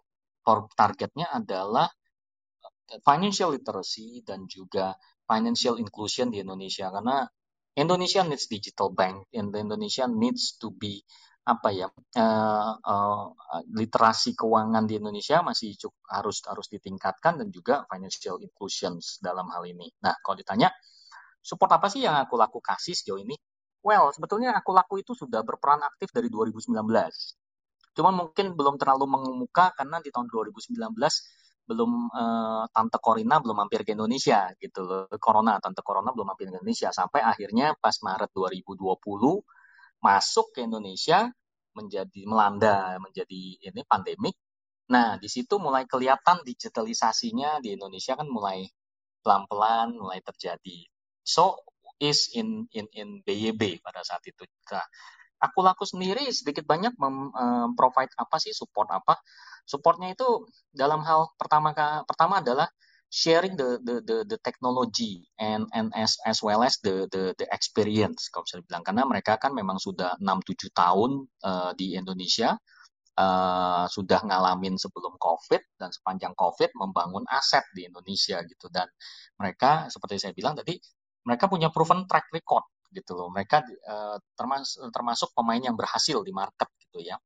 Nah uh, experience itu yang sebetulnya akan sangat berguna dan itu juga bisa uh, istilahnya di, di leverage. Kami bisa leverage BNC bisa leverage dari aku laku. Di samping juga uh, teknologi dalam hal ini dan juga uh, sedikit banyak ya tentunya support secara uh, sebagai pemegang saham tentunya uh, injeksi modal dalam hal ini. Jadi they they they provide uh, kalau bisa dibilang full support from A to Z ke ke BNC gitu. Dan komitmen mereka ya uh, memang sangat tinggi ter, uh, untuk memajukan BNC membawa BNC menjadi uh, the ini ya bank digital terdepan di Indonesia sih. Gitu kurang lebih Edward. Gitu uh, kiprah aku laku termasuk dalam hal ini ya pak ya uh, produk lending kita nanti ya kan iya, uh, aku laku juga salah satu fintech lender terbesar juga kan di Indonesia jadi um, experience mereka yang udah lama, cara mereka manage credit risk, I think itu bisa jadi apa ya, bisa kita leverage lah di BNC. Betul, jadi, betul. Uh, bakal menarik, menarik banget. Credit scoring mereka gitu loh. Jadi mereka kan sudah ngalamin duluan, mereka sudah mengerti yeah. sedikit banyak dan uh, istilahnya pemain lapangan gitu. Nah, iya, experience yeah, yeah. itu yang benar-benar sangat berharga banget buat kita. Yap, yap, benar-benar. Thank you Pak uh, Chandra. Ya. Pak Chandra, Edward, sorry nih, saya mau uh, nyelip di tikungan nih istilahnya nih Pak. kebetulan, kebetulan kan kita lagi ngomongin aku laku nih. Um, kayaknya nih saya ngelihat di bawah nih kebetulan aja nih ada di antara partisipan ada teman saya nih yang tahu benar tentang aku laku nih. Mungkin Pak Chandra juga kenal nih. Izin Pak Chandra dan Kakak Menda, Kakak Wari Kak, gimana kalau kita ngundang teman saya, Wika, untuk ke atas supaya kita bisa diskusi siap, nih siap. tentang Bang Neo dan pertamanya aku laku nih akan lebih enak nih kalau ada eh. ada beliau nih. Okay. Kakak Wika, Kakak Menda bisa minta tolong di invite. Ini yes, yes, Bro Wikanya ke atas. Kalau nggak mau naik, paksa aja kak. Udah tuh Pak. Oh udah naik, baru mau dipaksa. Soalnya dia kita biasa main keras ya, Wik. Wik, selamat malam, Main Wik. keras. Malam, Malam Pak Wika. Malam Bro Wika. Mbak Menda, Mbak Jessica, Malam, Pak Chandra, malam Pak. Malam, Wik. Izin ngomong Pak. Oh, monggo, monggo. Monggo. Tadi kalau dengar ceritanya, kalau dengar ceritanya Pak Chandra udah udah ini loh, udah udah diganti loh culture izin-izin itu tuh. boleh iya, nggak boleh izin tuh. Bolehnya Harus ini nyelip di tikungan, Wik. betul. Gitu kan. Kalau di aku laku harus di BNC aku laku harus inisiatif lah orangnya. Iya iya iya. Apa kabar, Wik? Baik baik Pak Bias, baik baik. Amin. Semoga bahagia nih ya malam ini karena tadi kayak kata Pak Minda dan Pak Chandra juga udah tahu gitu ya syaratnya di room ini Wik harus bahagia sebelum dan sesudahnya. Siap siap. Sudah sudah bahagia kok, sudah bahagia. Amin. Iya Wik. Em, ini tadi kebetulan mungkin eh lu juga dengar tadi malam ini ada mulai pertanyaan tentang relasi dan sinergi Bang Neo ke aku laku nih ya. Jadi eh kalau boleh kita pengen dengar sebenarnya tentang tentang aku laku dari elu gitu ya Wik ya. Mungkin kalau boleh eh, kenalan dulu boleh nggak Wik ke teman-teman pendengar semua? Ya, Eh, em, siapa sih Wika ini teman kita ini? halo eh, teman-teman bahagia apa sebutannya? Teman-teman bahagia ya teman-teman Investor bahagia Pak. Iya. Eh, investor bahagia kenalin. Nama saya Wika saya di Akulaku tuh eh, senior funding manager jadi basically in charge eh, funding Akulaku as a whole. Termasuk juga bantu-bantu Pak Chandra lah eh, apa kasih advice kalau mau siapa gitu. Lembaga-lembaga keuangan yang bisa bantu support eh, bisnis eh, Akulaku dan BNC gitu nah jadi role saya itu gitu sih Pak Bias. Oke, dan apparently ternyata kita teman satu pergedungan ya karena teman satu pergabungan sama gitu ya Wik ya. teman masa kecil ya. Waduh, Pak ya Bias, aku aku senang banget nih diajak Pak Wika soalnya kan beliau udah aku laku, soalnya aku belum laku. Wah, Nggak nah ini, nah ini. Kalau tadi misinya lagi itu buat serve yang unbank sama underbank. Nah kalau misinya aku laku nih buat serve yang aku belum laku, Wik. Tanggung jawab. Wik. Gimana kayak Bahaya. caranya dibikinin algoritmanya atau gimana nya? Algoritmanya ini cocok nggak orang ini dengan orang yang lain gitu ya. Ide yang bagus Pak ya. Ide yang bagus gitu. oke. Thank Ya, you sekali lagi, Wik, udah mau join nih. Nah tadi kebetulan kan eh, Edward sempat tanya nih ke Pak Chandra tentang misi dan support aku laku sebagai sekarang udah jadi eh, controlling shareholder ya di BNC. Mungkin ada yang mau ditambahin, Wik? Iya, jadi kalau aku lakukan visinya kenapa aku laku terbentuk kan sebenarnya kan financial inclusion ya kayak Pak Chandra tadi bilang. Jadi ngasih akses sebesar-besarnya ke masyarakat Indonesia ke uh, layanan keuangan gitu, layanan perbankan atau keuangan. Jadi kita awal-awal kan aku laku berdiri melihat ada gap tersebut dan kita coba menjembatani gap tersebut. Itu nah sebelum ada Bank Neo Commerce kan kita ada uh, ada peer to peer, kemudian ada e-commerce-nya juga, terus juga ada multi finance-nya gitu kan. Nah, ini kita harus uh, membesarkan layanan ini lagi. Apa nih yang kurang? Which is ada bank gitu kan. Nah, ke depannya juga aku laku akan terus ngasih layanan-layanan yang yang tepat guna ya, kayak tadi kata Pak uh, Chandra, yang tepat guna, yang sesuai dengan yang relevan dengan kondisi masyarakat Indonesia. Itu sih M kita seperti itu gitu sih.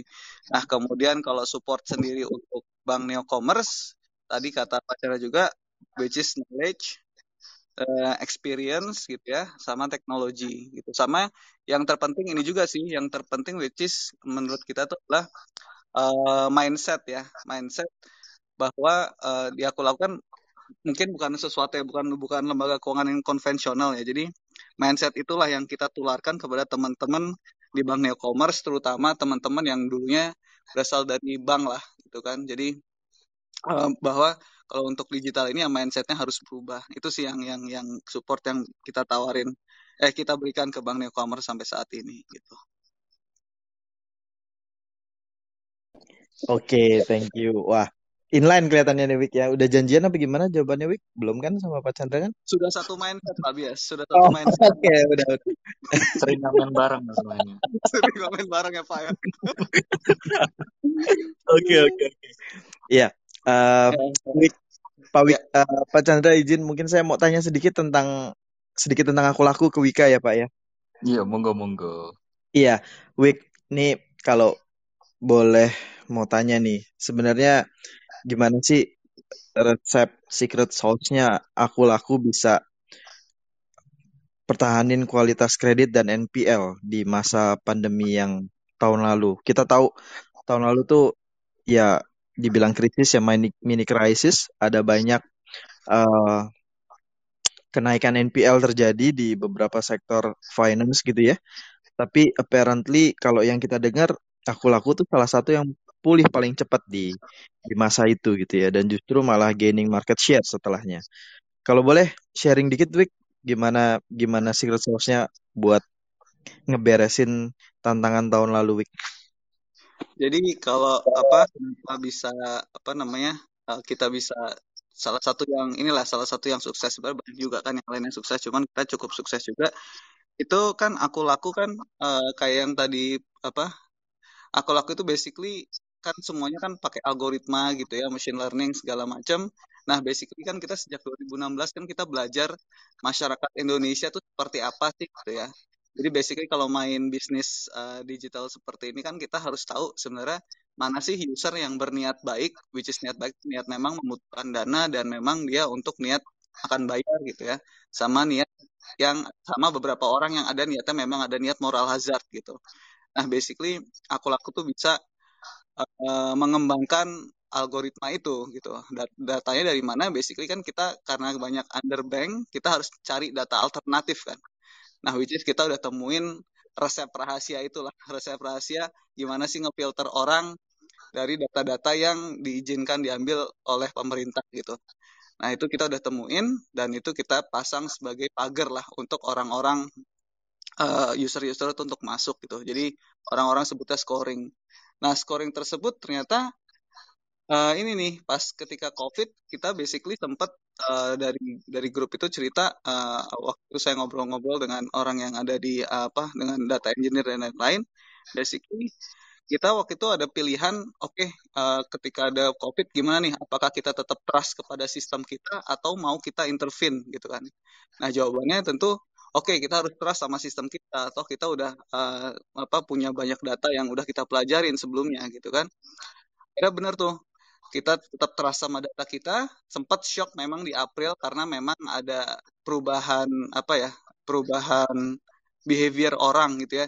Yang tadinya kerja bag, apa punya kerjaan tiba-tiba harus dirumahkan karena uh, apa namanya karena uh, karena apa PSBB gitu ya kan harus di rumah stay di rumah nah ini orang ada ketakutan jadi sempat nah cuman uh, ketika uh, bulan April lewat kita kita udah kita kita lepas scoring kita sesuai dengan pasar gitu. Nah itu ternyata memang benar. Uh, scoring kita tuh mampu memang sudah bisa ngambil orang-orang yang bagus gitu. Nah akhirnya uh, ada memang ada beberapa rating yang akhirnya kita freeze lah ya kita oh udah untuk rating yang tertentu yang ini dengan ini kita nggak ambil gitu ya. Nah cuman kita ambil yang bagusnya aja waktu itu lah. Yang kita ambil bagus aja ternyata benar memang beneran bagus gitu loh. Karena memang beneran bagus dan kita sekarang ngambilnya hanya yang user seperti itu makanya kita bisa cepat balik gitu. Terutama di Q3 2000 akhir Q3 2020 kita basically disbursementnya udah lebih besar daripada sebelum pandemi gitu. Apalagi sekarang di 2021 makin besar lagi gitu. Jadi uh, jadi apa namanya kalau menurut saya sih ya apa namanya uh, pembelajaran kita tentang apa masyarakat Indonesia dengan data-data yang kita punya tuh cukup berhasil gitu sih yes yang kenapa kita bisa survive cepat gitu Wah ini tetap ya secret, secret sauce-nya disebutnya secret sauce ya nggak bisa dijabarin satu Iya. dua tiga empat gitu ya Wik ya. Betul bisa dijabar. Oke. Yes.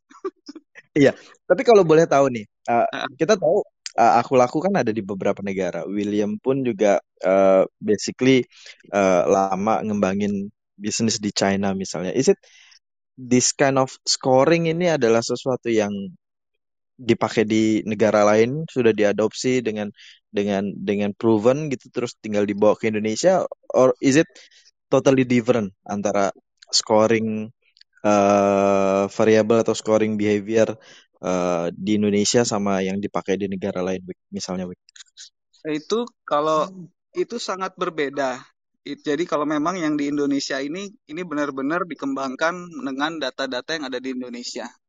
Jadi uh, belum tentu yang ada di Cina itu berhasil di Indonesia, gitu kan? Makanya juga sebenarnya aku laku sendiri kan sebenarnya William masuk ke Indonesia itu William dan apa uh, aku laku lah ya, aku laku masuk ke Indonesia kan waktu itu memang Indonesia dipilih untuk jadi uh, salah satu yang pertama lah, gitu kan, untuk dikembangkan. Dan kita dan William melihat pasarnya luas. Jadi uh, dan potensinya banyak gitu. Jadi memang di Indonesia dibuat gitu. Memang namanya machine learning itu belajar dari data-data Indonesia gitu. Makanya uh, nanti apakah bisa dipakai di negara lain langsung di langsung dipakai gitu ya itu aku rasa sih nggak bisa gitu.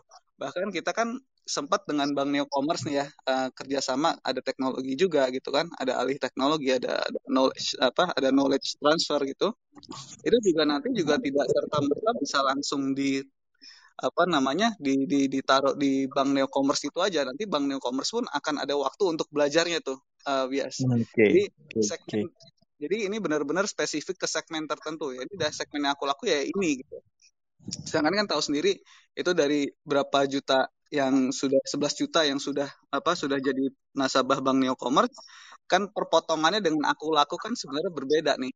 Jadi which is kita nemuin segmen baru gitu dengan BNC ini gitu. Nah, okay. apakah apakah nanti ini langsung berhasil apa langsung ya kalau syukur-syukur syukur-syukur ternyata langsung jalan ya gitu ya syukur-syukur langsung jalan gitu cuman kita ngelihat kita ambil ini ambil sens sensitif ya sensitize case-nya ya ini memang harus ada waktu pembelajaran tapi toh BNC nanti mungkin Pak Chandra juga bisa jelasin BNC juga punya RAC-nya sendiri nih jadi ada dua hmm, pagar yang hmm. akan ngebentengin ngebentengin bank gitu loh jadi which is uh, harusnya uh, apa namanya dan siklus belajarnya harusnya jauh lebih cepat dari yang aku laku jalanin gitu sih.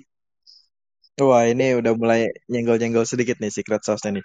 Pak Chandra mungkin mau tambahin Pak soal scoring dan machine learning-nya nanti ke depan Pak.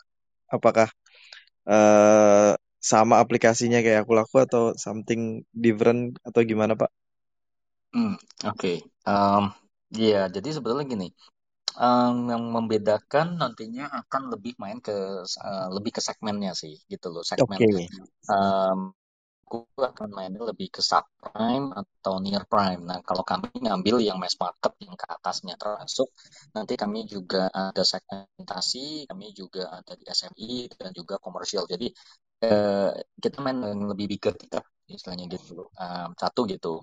Nah, kalau misalkan bicara uh, istilahnya uh, apa yang bisa dari sedikit banyak dari uh, kredit scoringnya aku laku kita juga uh, bisa ada semacam kayak dari sisi customer kan karena yang tadi kita ada apa istilahnya uh, sedikit banyak kuat angkut buka lapak di aku laku. Nah otomatis kan beberapa customer aku laku juga bisa mengapply ke kami. Nah itu sedikit banyak kan use case-nya kita bisa pakai uh, his credit history-nya uh, ya tentunya it's uh, istilahnya kayak semacam kami juga dapat apa yang namanya mungkin uh, pretty much uh, istilahnya uh, experience-nya si atau history-nya dari si customer tersebut yang kita bisa leverage kayak gitu.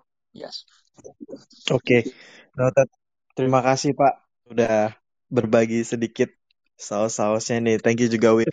Uh, kalau boleh tahu aku laku progresnya sekarang gimana ya? Number of user, terus apa loan book sama loan disbursement udah berapa sih sekarang Wik?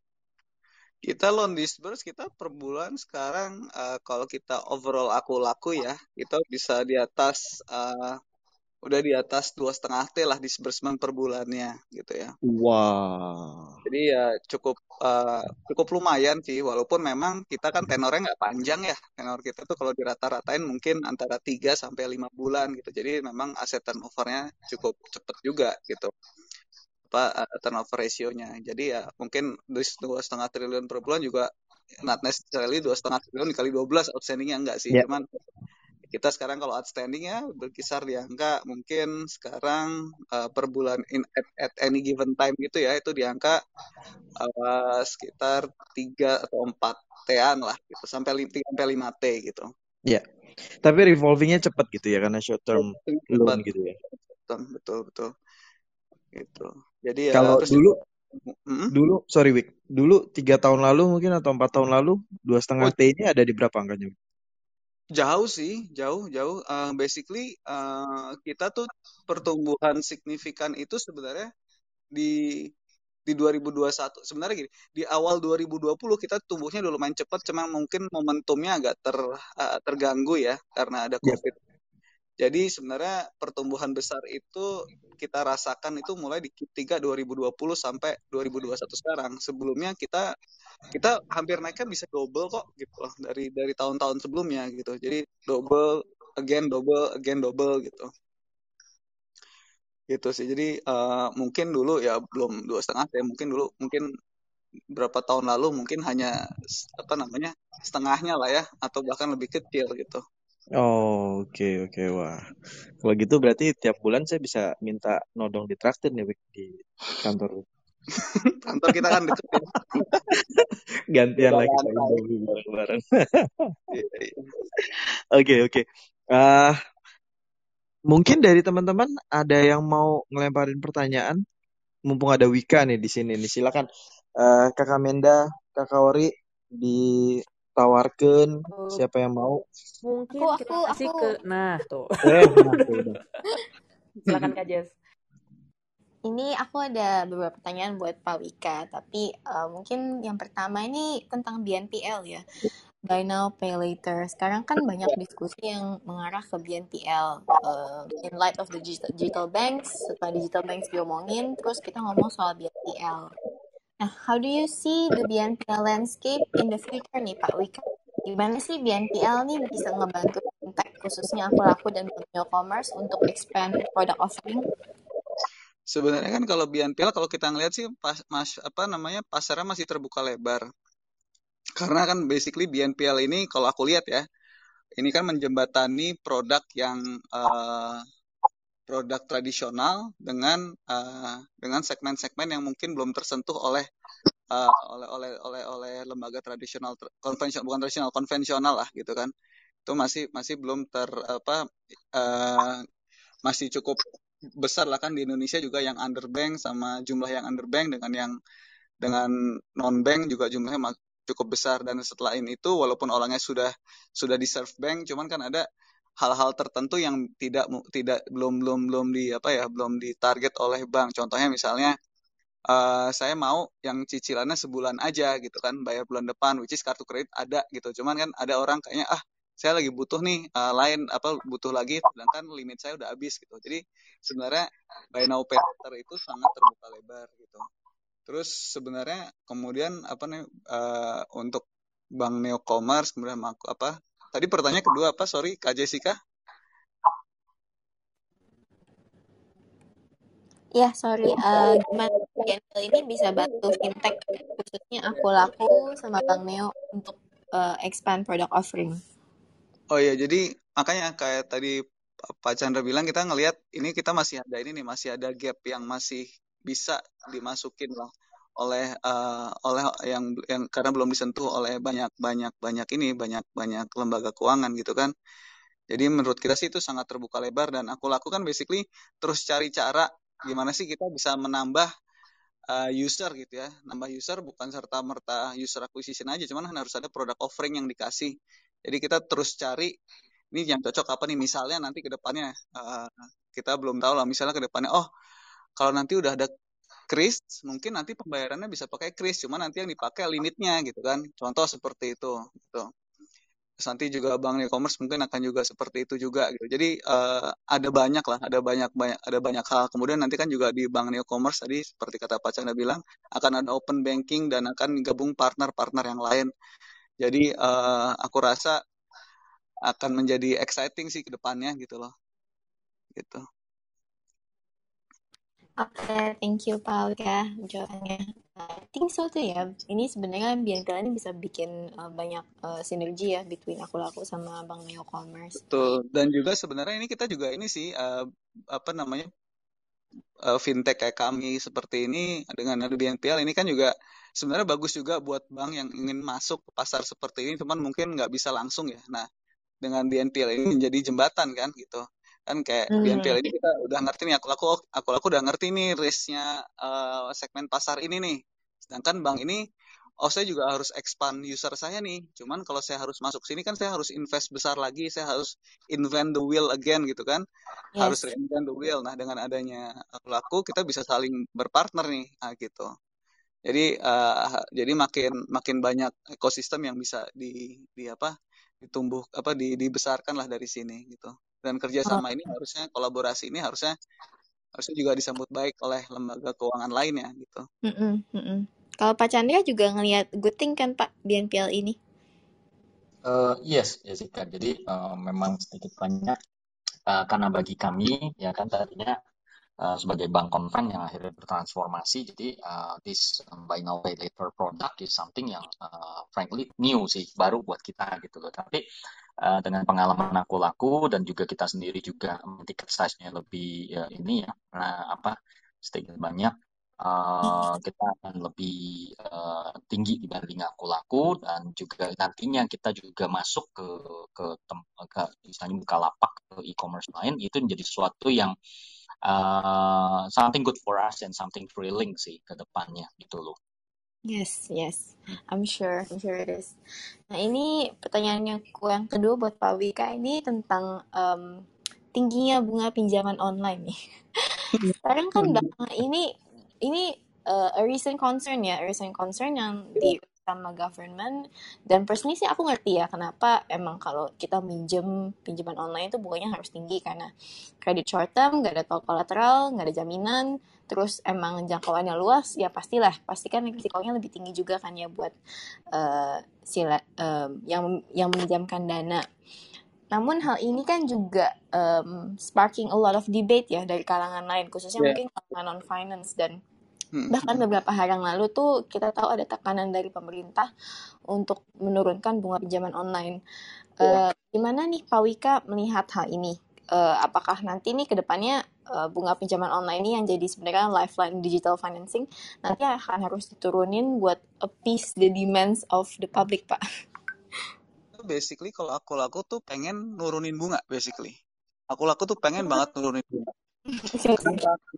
Makanya uh, kan tadi ada istilah Pak Chandra tidak tak kenal maka tak sayang gitu ya. Makanya uh, kita tuh kan berusaha untuk dapetin satu user, kita harus maintain user tersebut sehingga dia ada repeat transaction, ada repeat transaction berarti repeat ada historical gitu. Semakin kita tahu historicalnya, semakin kita kenal orang tersebut gitu kan. Jadi kita tahu risknya seberapa gitu akhirnya makin lama kita bisa nurunin resiko gitu. Nah itu itu ya itu apa namanya tujuan kita ke sana dan bahkan sebenarnya kalau dilihat grafiknya ya, kalau aku buat tunjukin data nih ya, uh, sayangnya nggak bisa, cuman uh, kita tuh basically bunga yang kita kasih ke masyarakat tuh cenderung menurun gitu. Kenapa? Karena hmm. basically ya kita udah dapat repeat user gitu kan. Hmm. Jadi kita sebenarnya spiritnya ke sana, cuman memang uh, balik lagi kita kan juga ada user baru yang harus kita serve. Nah, user baru kita harus serve, kita ngelihat dari historical kita. Nah, historical misalnya new use new transaction apa new newly apa ya? new users lah, new users yang belum ada repeat itu sebenarnya resikonya seperti apa sih? Nah, itu kan translate ke pricing gitu ya. Baru mm -hmm. nanti ketika setelah ada mereka ada historical, mereka kemudian akan uh, bunganya menurun menurun menurun gitu. Nah, dengan adanya pemerintah uh, apa namanya? mau nurunin bunga basically ini jadi motivasi kita sih untuk terus mempercepat apa ya proses uh, kita mengenal nasabah gitu loh gitu proses mengenal nasabah jadi ya ya apa namanya uh, ini tantangan buat buat bisnis juga jadi nggak dipungkiri kita pengen kayak balik lagi aku lakukan pengen akses ke dunia keuangan itu kan makin terbuka lebar ya kan? Akses itu ada teknologi ada segala macam juga termasuk pricing juga kan sebenarnya akses ya gitu. Mm -hmm kan kita juga pengen orang masuk ke, uh, ke sebuah sebuah fintech atau sebuah lembaga keuangan gitu orangnya masuk bukannya sejahtera teman malah buntung gitu ya kan? Kita nggak pengen juga. Itu iya. malah malah kita nggak nyari konsumen malah nyari musuh gitu. Nah itu kita nggak pengen sih. Jadi ya uh, ini memang pembahasan itu lagi digodok oleh pemerintah cuman ya kita harus ready lah apa pun yang uh, pemerintah uh, apa namanya pemerintah keluarkan kita akan support gitu sih. Mantap, thank you Pak Wika for the answer. Yeah. I think uh, aku pertanyaan itu aja sih buat Pak Wika. Aku udah banyak banget nanya hari ini. Maaf ya. Kasih Kak Jessica. Ya. Wah, nih sepertinya Mas Edward mau lanjut nanya nih. Silakan silakan Mas Edward. Udah kelihatan di unmute ya. Udah kelihatan mute. Enggak rugi ya, Wat ya. Iya. Sorry Wat tadi ditikung, Wat. ini dari tadi kita ngebahasnya berat-berat banget mungkin um, uh, last question aja deh uh, dari dari dari aku nih um, per, uh, aku pernah ngobrol sama Pak Chandra juga um, ternyata Pak Chandra ini salah satu investor saham juga nih nah um, saya agak penasaran aja uh, sama style investasinya Pak Chandra nih kalau boleh Pak kalau boleh di share Pak apakah style invest, investasinya kayak gimana, apakah short term kah, long term kah, dan um, apa kriteria apa aja sih yang yang yang bapak lihat itu dalam proses seleksi saham sebelum um, akhirnya mutusin untuk beli. Boleh di share ya pak ya? Oke, okay. jadi ya uh, seperti saya bilang saya sebetulnya risk taker tipe risk taker makanya I love to take challenge ya kan makanya okay. saya uh, ya itu maka terima tantangan William gitu. nah jadi kalau dalam gaya investasi uh, terutama kalau kita bicara saham uh, saya sebetulnya lebih uh, gayanya lebih ke investor long term sih dibanding saya trading gitu ya walaupun tergoda juga kadang-kadang pas melihat lagi harga saham lagi yang saya invest lagi naik tinggi ada salah satu bank digital juga yang saya invest tertarik juga buat uh, real life. Cuman uh, saya pikir kayaknya belum masuk ke target price yang saya pikirkan. Jadi udah diemin aja lagi. Uh, saya lebih suka melihat fundamentalnya sih. Saya saya tertarik dan terutama investasi saya kebanyakan bank-bank yang mengklaim uh, menjadi digital bank. Jadi uh, saya pengen lihat juga gitu dan mengikuti dan juga sedikit banyak lihat impactnya transformasi mereka terhadap share price mereka gitu. Jadi kalau ditanya uh, kriterianya gimana, saya lagi pastikan saham-saham bank yang mengklaim menjadi digital bank sekarang ini gitu loh. Karena oh. dia interesting, really gitu loh buat saya. Jadi benar-benar percaya sama story bank digital loh Pak ya? Iya yes, iya. Jadi kan uh, jadi true believers of uh, digital banking, digital bank transformations gitu. Jadi saya juga mengikuti dengerin beritanya, ngikutin beritanya, terus saya lihat pengaruhnya harga saham, atau otomatis saya juga nge-benchmark dari sisi sana, Edward. Yap, yap, yap. Kalau praktisinya udah yakin, harusnya kita juga yakin nih. um, ya, uh, mungkin itu aja Pak dari saya Pak. Thank you loh Pak Chandra. Uh, Sama Pak. Balik ke Enak nih Wik si si Edward jadi tahu uh, mau nulis apa besok nih atau besok besok nih. eh uh, mau nanya ke Wika juga nggak? What? Boleh Tentang kalau pertanyaan yang sama. juga kalau ada uh, apa uh, style investasinya kayak apa gitu.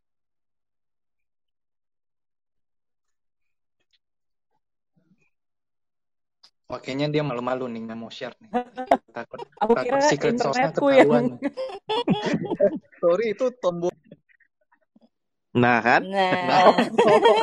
Secret sauce-nya nggak mau di-spill nih kayaknya. Ini ini yang mencet istrinya kelihatannya Wat karena mau ngapain bocor-bocorin secret sauce-nya gitu langsung pencet tut gitu sama istrinya.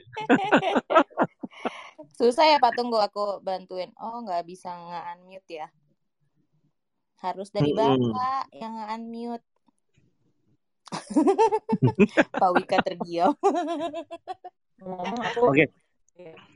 Udah bisa ya? Oh, Coba. bisa Pak Wika. Oke. Okay. Halo, halo. Nah, ya. aman, Wak. Aman, Wik. Silakan, Wik. Aman ya? Ya, ya jadi aman ternyata. Apa? Dak dikduk.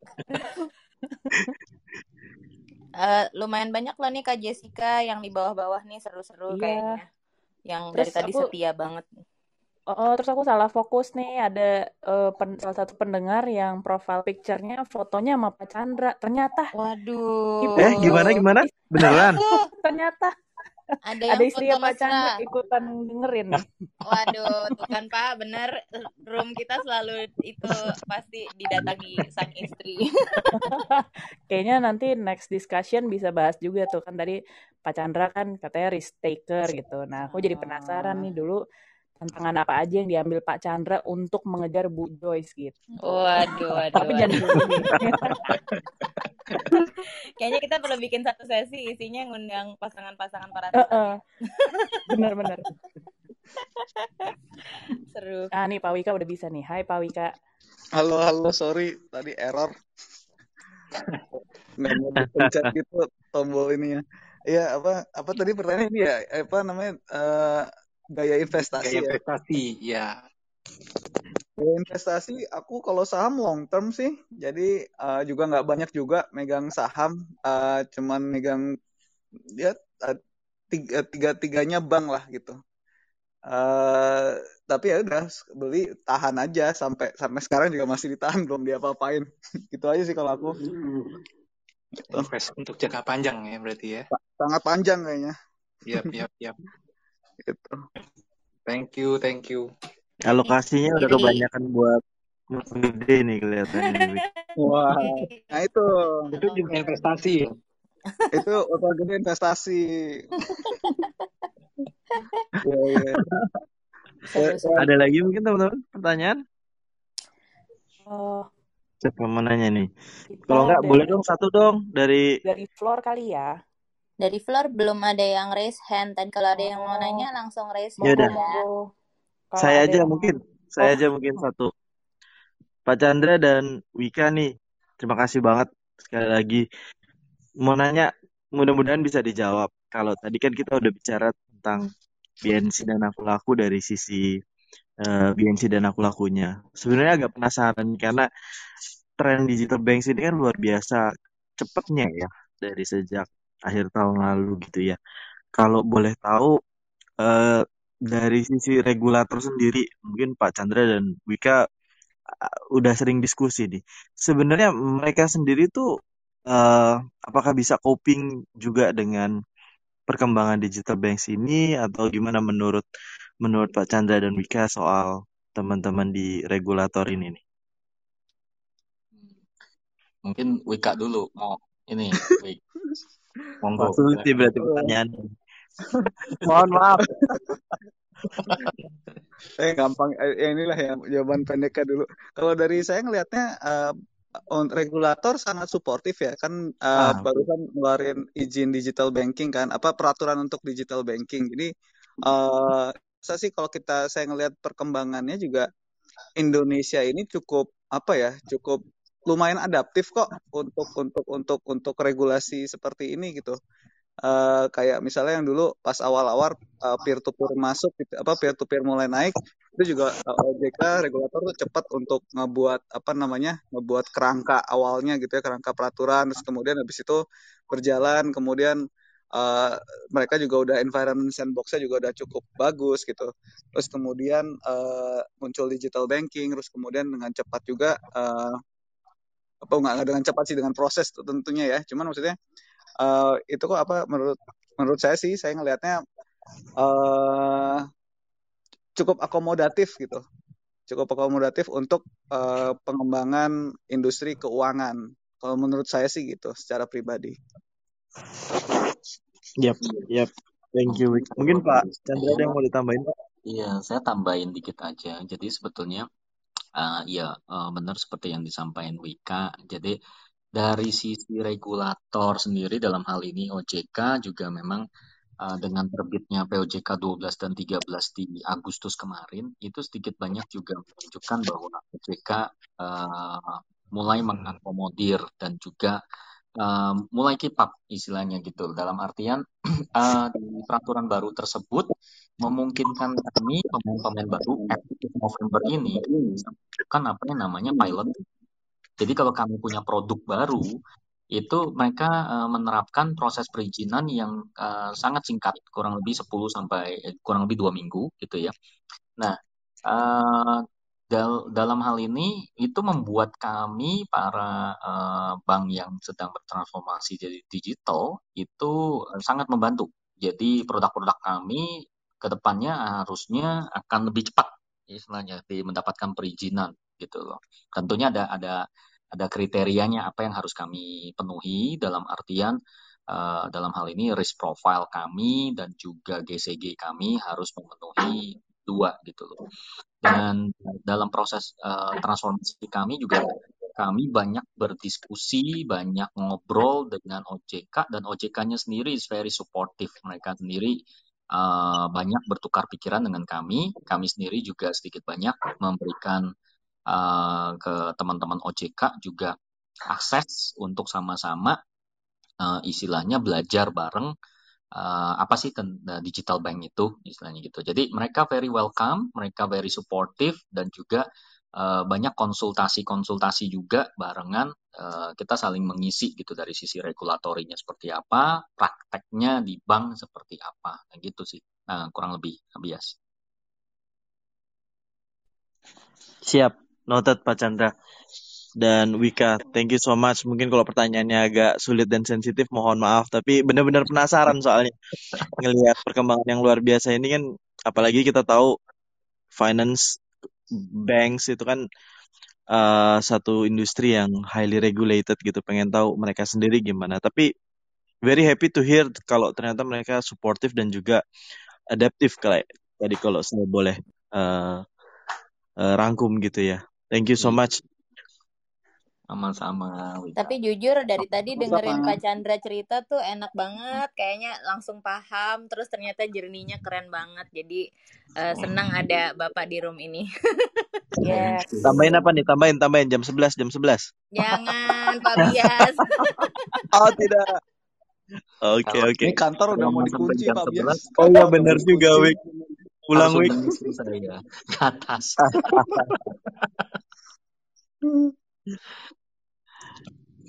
Oke. Okay. Oke, okay. dari floor berarti udah uh, udah nggak ada yang mau nanya. Mungkin karena kita udah kebanyakan nanya kali ya. Semua udah di, udah diambil pertanyaannya sama kita gitu. Jadi nggak mau rugi.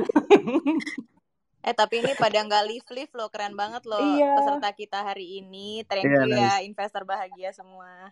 Terima kasih teman-teman. Nah, terima uh, kasih aku ada pengumuman dulu nih untuk minggu depan kita akan kedatangan tamu istimewa lagi. Yeah, kita masih selalu istimewa di tamunya. Ini seorang kapten yang membawa kapalnya menuju banyak kemenangan. Wih. Pak Jamie Paul Wawointana atau yang akan dipanggil Bos Jam, CEO dari Sukor Asset Management. Wih, Bos. nah ini, nah ini. Nah ini. Nah, uh, se sebelum menutup uh, room malam ini saya mau ucapkan terima kasih sekali lagi buat Pak Wika, Pak Chandra. Terima kasih sudah mampir di uh, room sederhana ini. Semoga keluar dari room uh, room ini jadi tambah bahagia ya. Terus jangan kapok-kapok kalau kami undang-undang lagi gitu. Thank you banget Pak Chandra, thank you Pak Wika. I think sama-sama. Kita semua dapat insight yang bagus banget malam ini tentang BNC banget. Nah, kalau gitu Dan semoga aku, abis ini ya, nasabahnya jadi 11 juta 10 ribu ya karena member kita udah 10 ribu. Amin. Cuma dikit gak apa-apa ya Pak. Thank you Pak Chandra, thank you Vika. Terima kasih semuanya, thank you Pak Chandra, spesial thank you Vika. Have a good night, everyone. Bye bye. Bye. Bye. Bye bye.